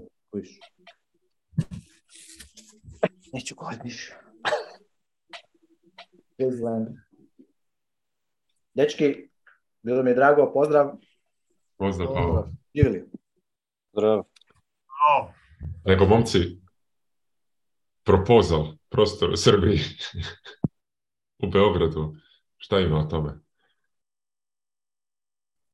Ko će to, Braž, Uglješa? Ugi, Ugi je... Pa ne znam šta da kažemo, to, je, to je sad počeo taj neki, ovaj, neka ideja, to je jako sveže, Ove, ovaj, ne znam ništa mnogo pričamo o tome. To 21 poprima fizički oblik. Koje su, koje su cilje? pa da, da. Pa da sumiraj taj, sumiraj taj ovaj- papir. Mislim da je ovaj dobra ideja da se smisli neki ovaj fizički prostor, to je ono što smo pričali o tome već neko vreme, ali sad smo nešto napisali na papir. Ovaj Mislim da imamo dobre talente, mislim da je geografski pozicija odlična, mislim da je mislim da je vreme perfektno za tako nešto, to je ono što ljudi kažu, kao u bear marketu se gradi, tako? Ovaj, tako da, mislim da je odlično vreme za to. Sada šta će toga da bude, to to ne znamo, mislim, treba se skupi neka financija, treba se skupi neki ovaj, ljudski kapital, treba se skupe ljudi koji tu imamo ovaj, ljude sa različitih grana, ljudi koji su upoznati u infrastrukture i građevinstvo, ljudi koji su upoznati u nauku, ljudi koji su kompjuterski orijentisani, Mislim da je Bitcoin jako zanimljiv projekat sam po sebi po tome što skuplja ljude sa svih različitih, ovaj, sa svim različitim interesima. Tako da naš neki region je malo čudan zato što ljudi su što znam, skeptični, ono, nepoverljivi i, mislim da, da bi bilo zanimljiv eksperiment da se vidi šta će od toga da bude. I to ne mora da bude, mislim to sad treba svi da, da, da razmislimo o tome da li će to da bude nešto ono da se utemeljimo, da kupimo prostor neki gigantski, ono da se ljudi posvete tome 100% ili da li da tu bude kao neki eksperimentalni ovaj, neka eksperimentalna vežba da se vidi koj, koliko tu ljudi u stvari ima. Ovo i dalje zanimljiv projekat od 21, mislim da je super, ono, ima nas, šta nas ima, ono, 200 otprilike, ono, u, grupi. Ove, ali dalje na, meetupo, na meetupovima dolazi ono desetoro, petoro, dvanestoro. Tako da, da, ćemo da vidimo šta će u stvari da se desi s svime time, ali... Da, hoćemo da počnemo nešto, tako da nadam se da je grupa zainteresovana, vidjet ćemo. Mislim da imamo dosta talenta da, slažem se. Bilo bi zanimljivo da imamo prostor gdje može da se radi kao neke workshops i dobro bi bilo da, da to postane neki hub. Um, bar u Balkanu za, za, Bitcoin. Um, nešto sam gledao što mi je bilo zanimljivo. Ovaj, bio, ima neki drugi na Meetup, ako se vidi na meetup.com. Uh, mislim ako se ukuca Bitcoin ili nešto tako, vidi se neka starija grupa koja se stvorila baš, ne znam, već godinama su imali, mislim da imaju hiljadu ljudi u tu grupu. I uh, čekaj sad da vidim. I oni su baš prestali da rade meetup ono kad smo mi počeli. već godinama su radili kao neki crypto meetup. Uh, I imali su, ne znam, Telegram grupu. Pa da, to je nešto što meni iskreno žao. Ono, mislim, pa žao, da, ali mi kao to je nekako simbolično, znaš.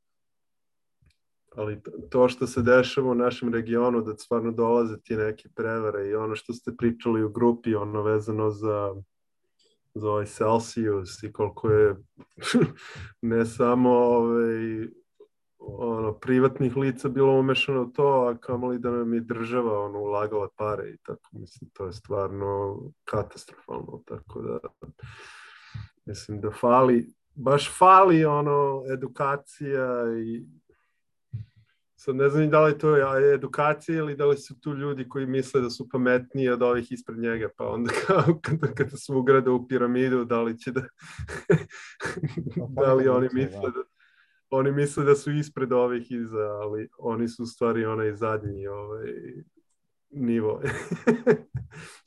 Odakle su usisavaju pare, tako da... Da, pa ja, mislim da je to... bilo Bi... Reci, reci.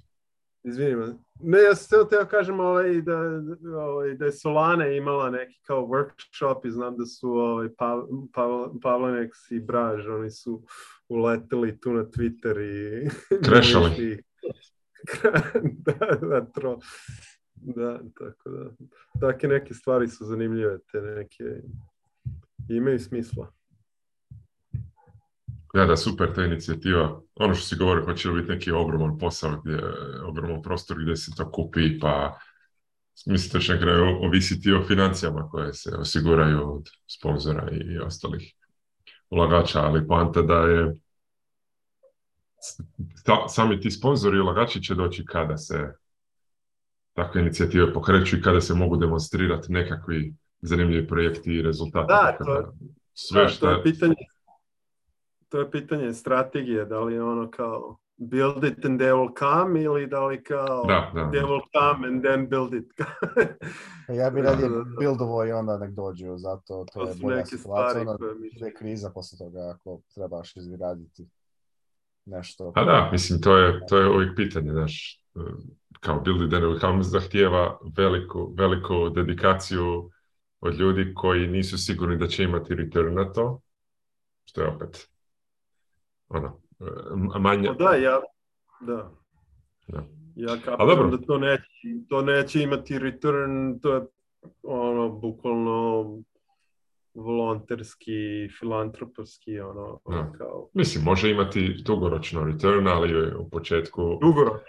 Da, da. mislim, sve što, sve što se radi u, ovo, u ovoj grupi, ovakvim sličnim projektima, to se sve radi volonterski, da virtualno ili fizički, tako da da. Tako to počne ono. Uh, mi smo tu jer smo uzbuđeni oko nečeg i onda to dajemo svoje vrijeme, energiju besplatno. A sad ako za koju godinu nešto toga iz, se izrodi, super. Mislim, imamo vjeru da ih hoće. Pa, e, glavna stvar to što, što pričate druge kriptovalute, šitko i to, oni su uvijek oni su uvijek više flash imaju marketing budžete i privlače developmente. E, i to će se dešavati, ja mislim uvijek, uvijek je tu Bitcoin nekako u sjeni. E, I sljedećem bull runu će biti opet više posla i za Bitcoin, ali će biti opet puno više posla i za ko zna koji će ovaj put biti trend, zadnji put su bili DeFi i NFT, možda će sljedeće godine biti nešto novo. Ne znam, ono, e, meni se uvijek čini da je to nešto što će ići napred, ići polako, ali čovjek mora polaziti od entuzijasta. Tako da, e, entuzijasti su ti koji će volontirati svoje vrijeme prije nego što mi možemo ponuditi nekako ono pleši situaciju gdje će developeri doći raditi za nas. Mislim, ono, Strike je jedna kompanija koja možda to može raditi, jer su, jer opet i, ono, imaju jasno definiranu... onu infrastrukturu gdje rade, mislim i, i upomenuli su ono 1031 kad su uložili uh, sa njihovim e, investitorima nekoliko, ne znam, 80 milijuna, oni su baš pričali uh, kad ovi payment procesori spoje se na Strike API, bukvalno možeš ti doći, e, Lux, na primjer, dođe sa Blix e, walletom i plati tako um, preko QR koda i oni dobiju dolare tu preko, preko strajka, oni imaju taj flow i mislim, zanimljivo je da, da, da taj alat se pojavljuje da može da se koristi on-chain i sad više i više Lightning se koristi za ove stvari. Znači, može puno transakcije i dosta je jeftino. to su sve dobre stvari na kraju. Da.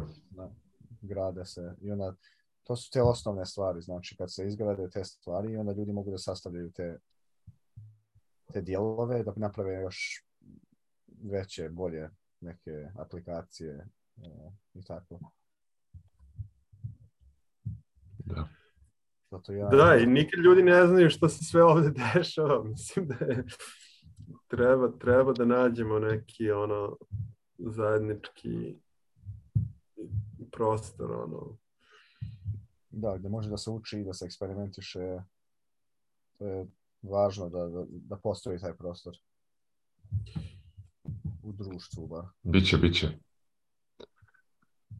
Onda ćemo imati podružnice u Zagrebu, Sarajevo. Da, to bi bilo idealno da imamo da u uglavne sve gradove. da, i to može da bude ono od ono gigantskog prostora na 2-3 sprata ili neka mala sobica od 20-30 kvadrata, čisto ono da ljudi mogu pa čak i pa našem regionu. dosta... na početku, to može jednostavno biti neki meetup, isto kao što u Njemačkoj ima nekoliko meetupa ispod te Einon Zwanzig kišobrana. Am... Eh, tako, bi isto volio da vidim po Balkanu. Mislim, prvi je sad, sad smo imali jedan, bili, bili smo u Uralu, znači imali smo tada, sad jedan u Splitu, to sada smo imali ono, većinu u Beogradu, znači počinje da, da, da se dešava. je I, ono došao i... ova naša grupa je manje od pola godine postoji, to isto treba imati na umu. Nije ovo, mm. ovo projekt koji se vuče već deset godina, pa sad ovo je sve u, u, u pet mjeseci nastalo, izrodilo se sve, sve ove inicijative koje su... Da, koje su već ongoing, koje su već realizirane, koje tek trebaju biti realizirane. E, I to sve se dešava u, prilično oštrom bear marketu, e, se dešava rast. Tako da, da to, je to su sve dobri znakovi. To je stvarno velika stvar. Ja sam stvarno impresioniran. Ono, ja sam, da znam, znate, ovaj, ovaj i ovaj Ben Session, što ima kao bullish, bullish bit ili kako kak se zove onaj, uh, svak uh, pet. Uh, ja, bullish bit. Bullish, bullish yeah, pa why are you bullish? to je stvarno neverovatno što se dešava u ovom bear marketu, stvarno, mislim, o... ja ne znam kako ljudi mogu da budu bearish. Ne, ono. da, da, ja sam baš ono da, što se tiče nazad na ovaj projekat, ja mislim da je isto ono što se tiče Bitcoina i te cele infrastrukture, da je jako bitno da to je ovo što je bila zanimljiva priča sa Pavelom. Ja, se jako slažem sa nekim ono praktičnim ovaj, ovaj, implikacijama o svemu o čemu on priča, ali, ali zašto je bitno taj lightning i zašto je bitno da ljudi nastave da koriste on-chain kao without, without cast, like uncustodied novčanike i takve stvari. To je zato što kada ljudi, kada stvarno ono govno udari u ventilator, kada ljudi stvarno krenu ono da se mobilišu po svetu, krene, dobro nećemo kažemo da beže, ali da menjaju menjaju države, sele se, mislim, ostavljaju, ne znam, idu iz Ukrajine, evo sad vidimo u Beogradu kako ljudi dolaze, mislim, to su da, gigantske, gigantski momenti gdje ljudi mogu da se povežu, koji isto mišljenici, ljudi koji imaju Bitcoin i traže način da svoje pare ulože u, lokalnu ekonomiju. Mislim, to je jako bitno. Da, Dobro, momci, šta je ovo? Preko tri sata smo tu. Tri i pol, to je kao prvi onaj Lord of the Rings. Da. E, šta bismo, e, neko bi još nešto htio reći, dodat ili idemo spavati? Ti ideš spavati, da se budiš. Ono. Ja idem spavat, da. Baš odano, bravo. Ne znam, ja nemam ništa baš reći, bilo zanimljivo. Um, bolio bi opet ovo raditi, trebali bi. Da, ako neki malo eksperiment. Ja, Free form, ajmo svi pričati. Da, i sljedeći put ćemo imati live stream. Sad to znam. Bilo zanimljivo ovaj. imamo neku, neku strukturu, baš ono kao što, što ta wiry boleš uh, se pojavljuju ljudi i ono bukvalno imamo neka pitanja, neke kao neku osnovnu strukturu i onda idemo oko toga ili ono free form potpuno. Dobro, sljedeći put zašto je protestantizam zajebao pivo? Sviđa mi se. Ovaj, ja bih samo, mhm. ako može, nešto. O, ovo što se sad pred kraj pričalo i što je Pao spominjao to je meni ono, baš ono najpraktičnije što može da bude. U, za, za ovo sad stanje u kome smo. Pošto nije, nema sad svi e, onaj lightning, ne možeš svugdje da platiš i to je, ajde da kažemo, onaj prolazna, onaj, i, i među, među ono, stanje ka hiperbitkonizaciji dok se ne stigne do ja bih, e, eto ja pričam sam za sebe, onaj, e, kako bi se to moglo, šta bi se moglo i da se razradi. Pa kad dođu ljudi ili možda kad se malo grupa proširi ili ljudi, oni što su zainteresovani, kako bih ja sad to primijenio sve. Eto, ja sam sad šta znam da u kojoj zemlji, ja hoću sad da koristim to, ne mogu ovaj, direktno možda u, svugde lightning ili šta znam on chain, ali hoću ovako, eto, ono, eto, može ovo, to, to, to, ovo može tako, to su možda neki rizici, šta znam, kapitalni dobit, što je meni uvijek negde na ono, tu pred onako kako, ono, ali možda, možda pređe ovaj, ovo samopouzdanje pa ovo na, na mene, ovaj, pa se odlučimo taj korak, ali eto, to bi, eto meni nekako bilo od, od značaja, a i mislim drugima. Jako dobro.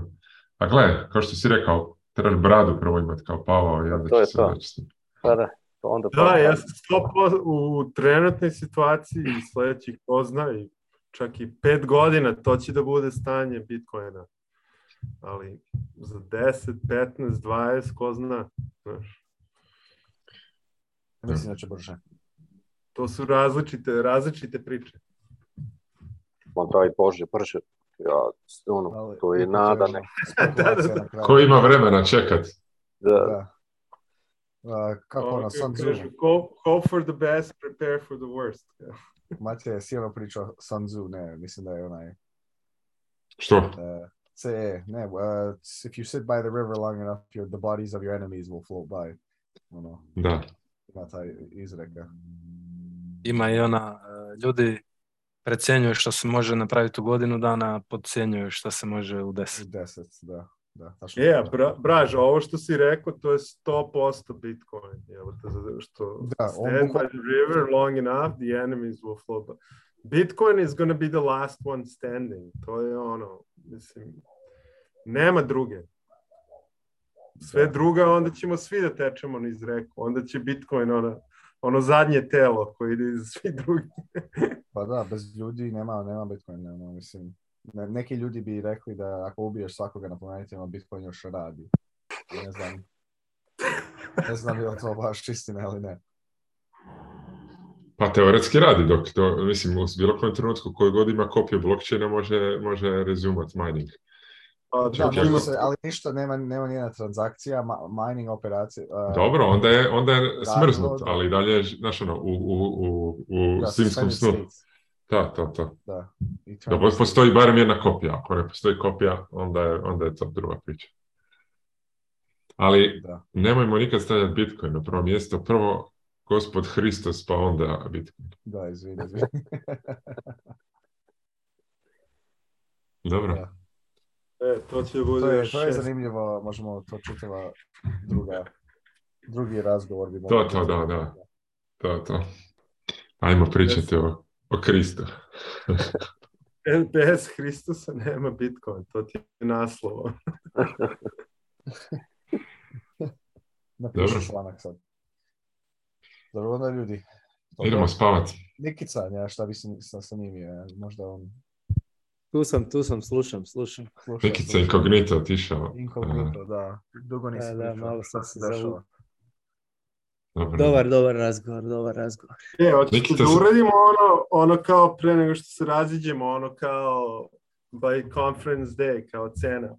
Ne cena, ja bih radije radio što why are we bullish i onda da radimo to, ne, ne, a ne. to je dugačko. Ne, to traje po sat i po, ali šta, šta da, si mi A koja je, a kada cijena? Cena, ono, izabereš datum i kao cena i onda ko kao sljedeća riga, onda. Kao kla, opklada. Ono. Aha, pa dobro, mislim, i Pavo i Nikica su... I Pavo i Nikica su dali jasne i čvrste predikcije da ćemo do proljeća imati Lamborghini i tako da. da. E, znači evo, treći mjesec 2023. To je, Ajmo reći. treći mjesec. da, to je pet... Koliko košta Lamborghini? nisam baš tako, ali dobro. ne, ne, ne, to je tako bilo. Mislim, imamo snimku, snimku neki to je bila interpretacija, interpretacija. Ja pa mislim da ćemo u martu biti, biti smo sad. ja ću započeti za ostatak. Ona, da, Braž, Igor i Lux su ostali. Ja ne znam. A... Dobro, znači Uglješa kaže u trećem mjesecu 20.000. Braž, šta ti kažeš? Uh, to je za mjesec dana ili za, za par mjeseci? Ili... Ne, ne, u trećem, treći, treći mjesec. Mart. Mart 25. A, um, nekako mi ne dijeli dobro, dobro ali... Um, pa šta si, buliš ili? Da, pa buliš se osjećam stvarno, ali ne znam, to, stvari koje se dešavaju su stvarno toliko van ono... E, to ne znači da ćemo pre toga... Da, Nemoj disclaimer davat, samo cifru hoćemo. Ajoj, ajoj, gdje smo sad... Ali, iz, iz prve, na prvu. Ajde... Ujebote, sad ne znam da li ću gore ili dole otići jebote. Ne znam. Ajde Igor, ti, pusti ovo. Ajde, ja ću, ajde, ja ću kažem da se, da se vraća ja na... Sad, ja sam se uglješao. Vraća se skoro na all time high. E. Znači šta, 65? 60? Da, da do, do, prvog nema, nema sigurno šanse, prvom je sve pada decembar i to, ali mislim uh-huh. da... Dobro. Lux? Bravo, bravo. A ja ću reći 16. 16? Uglješa, šta nisi rekao 8, brate? Da, 8.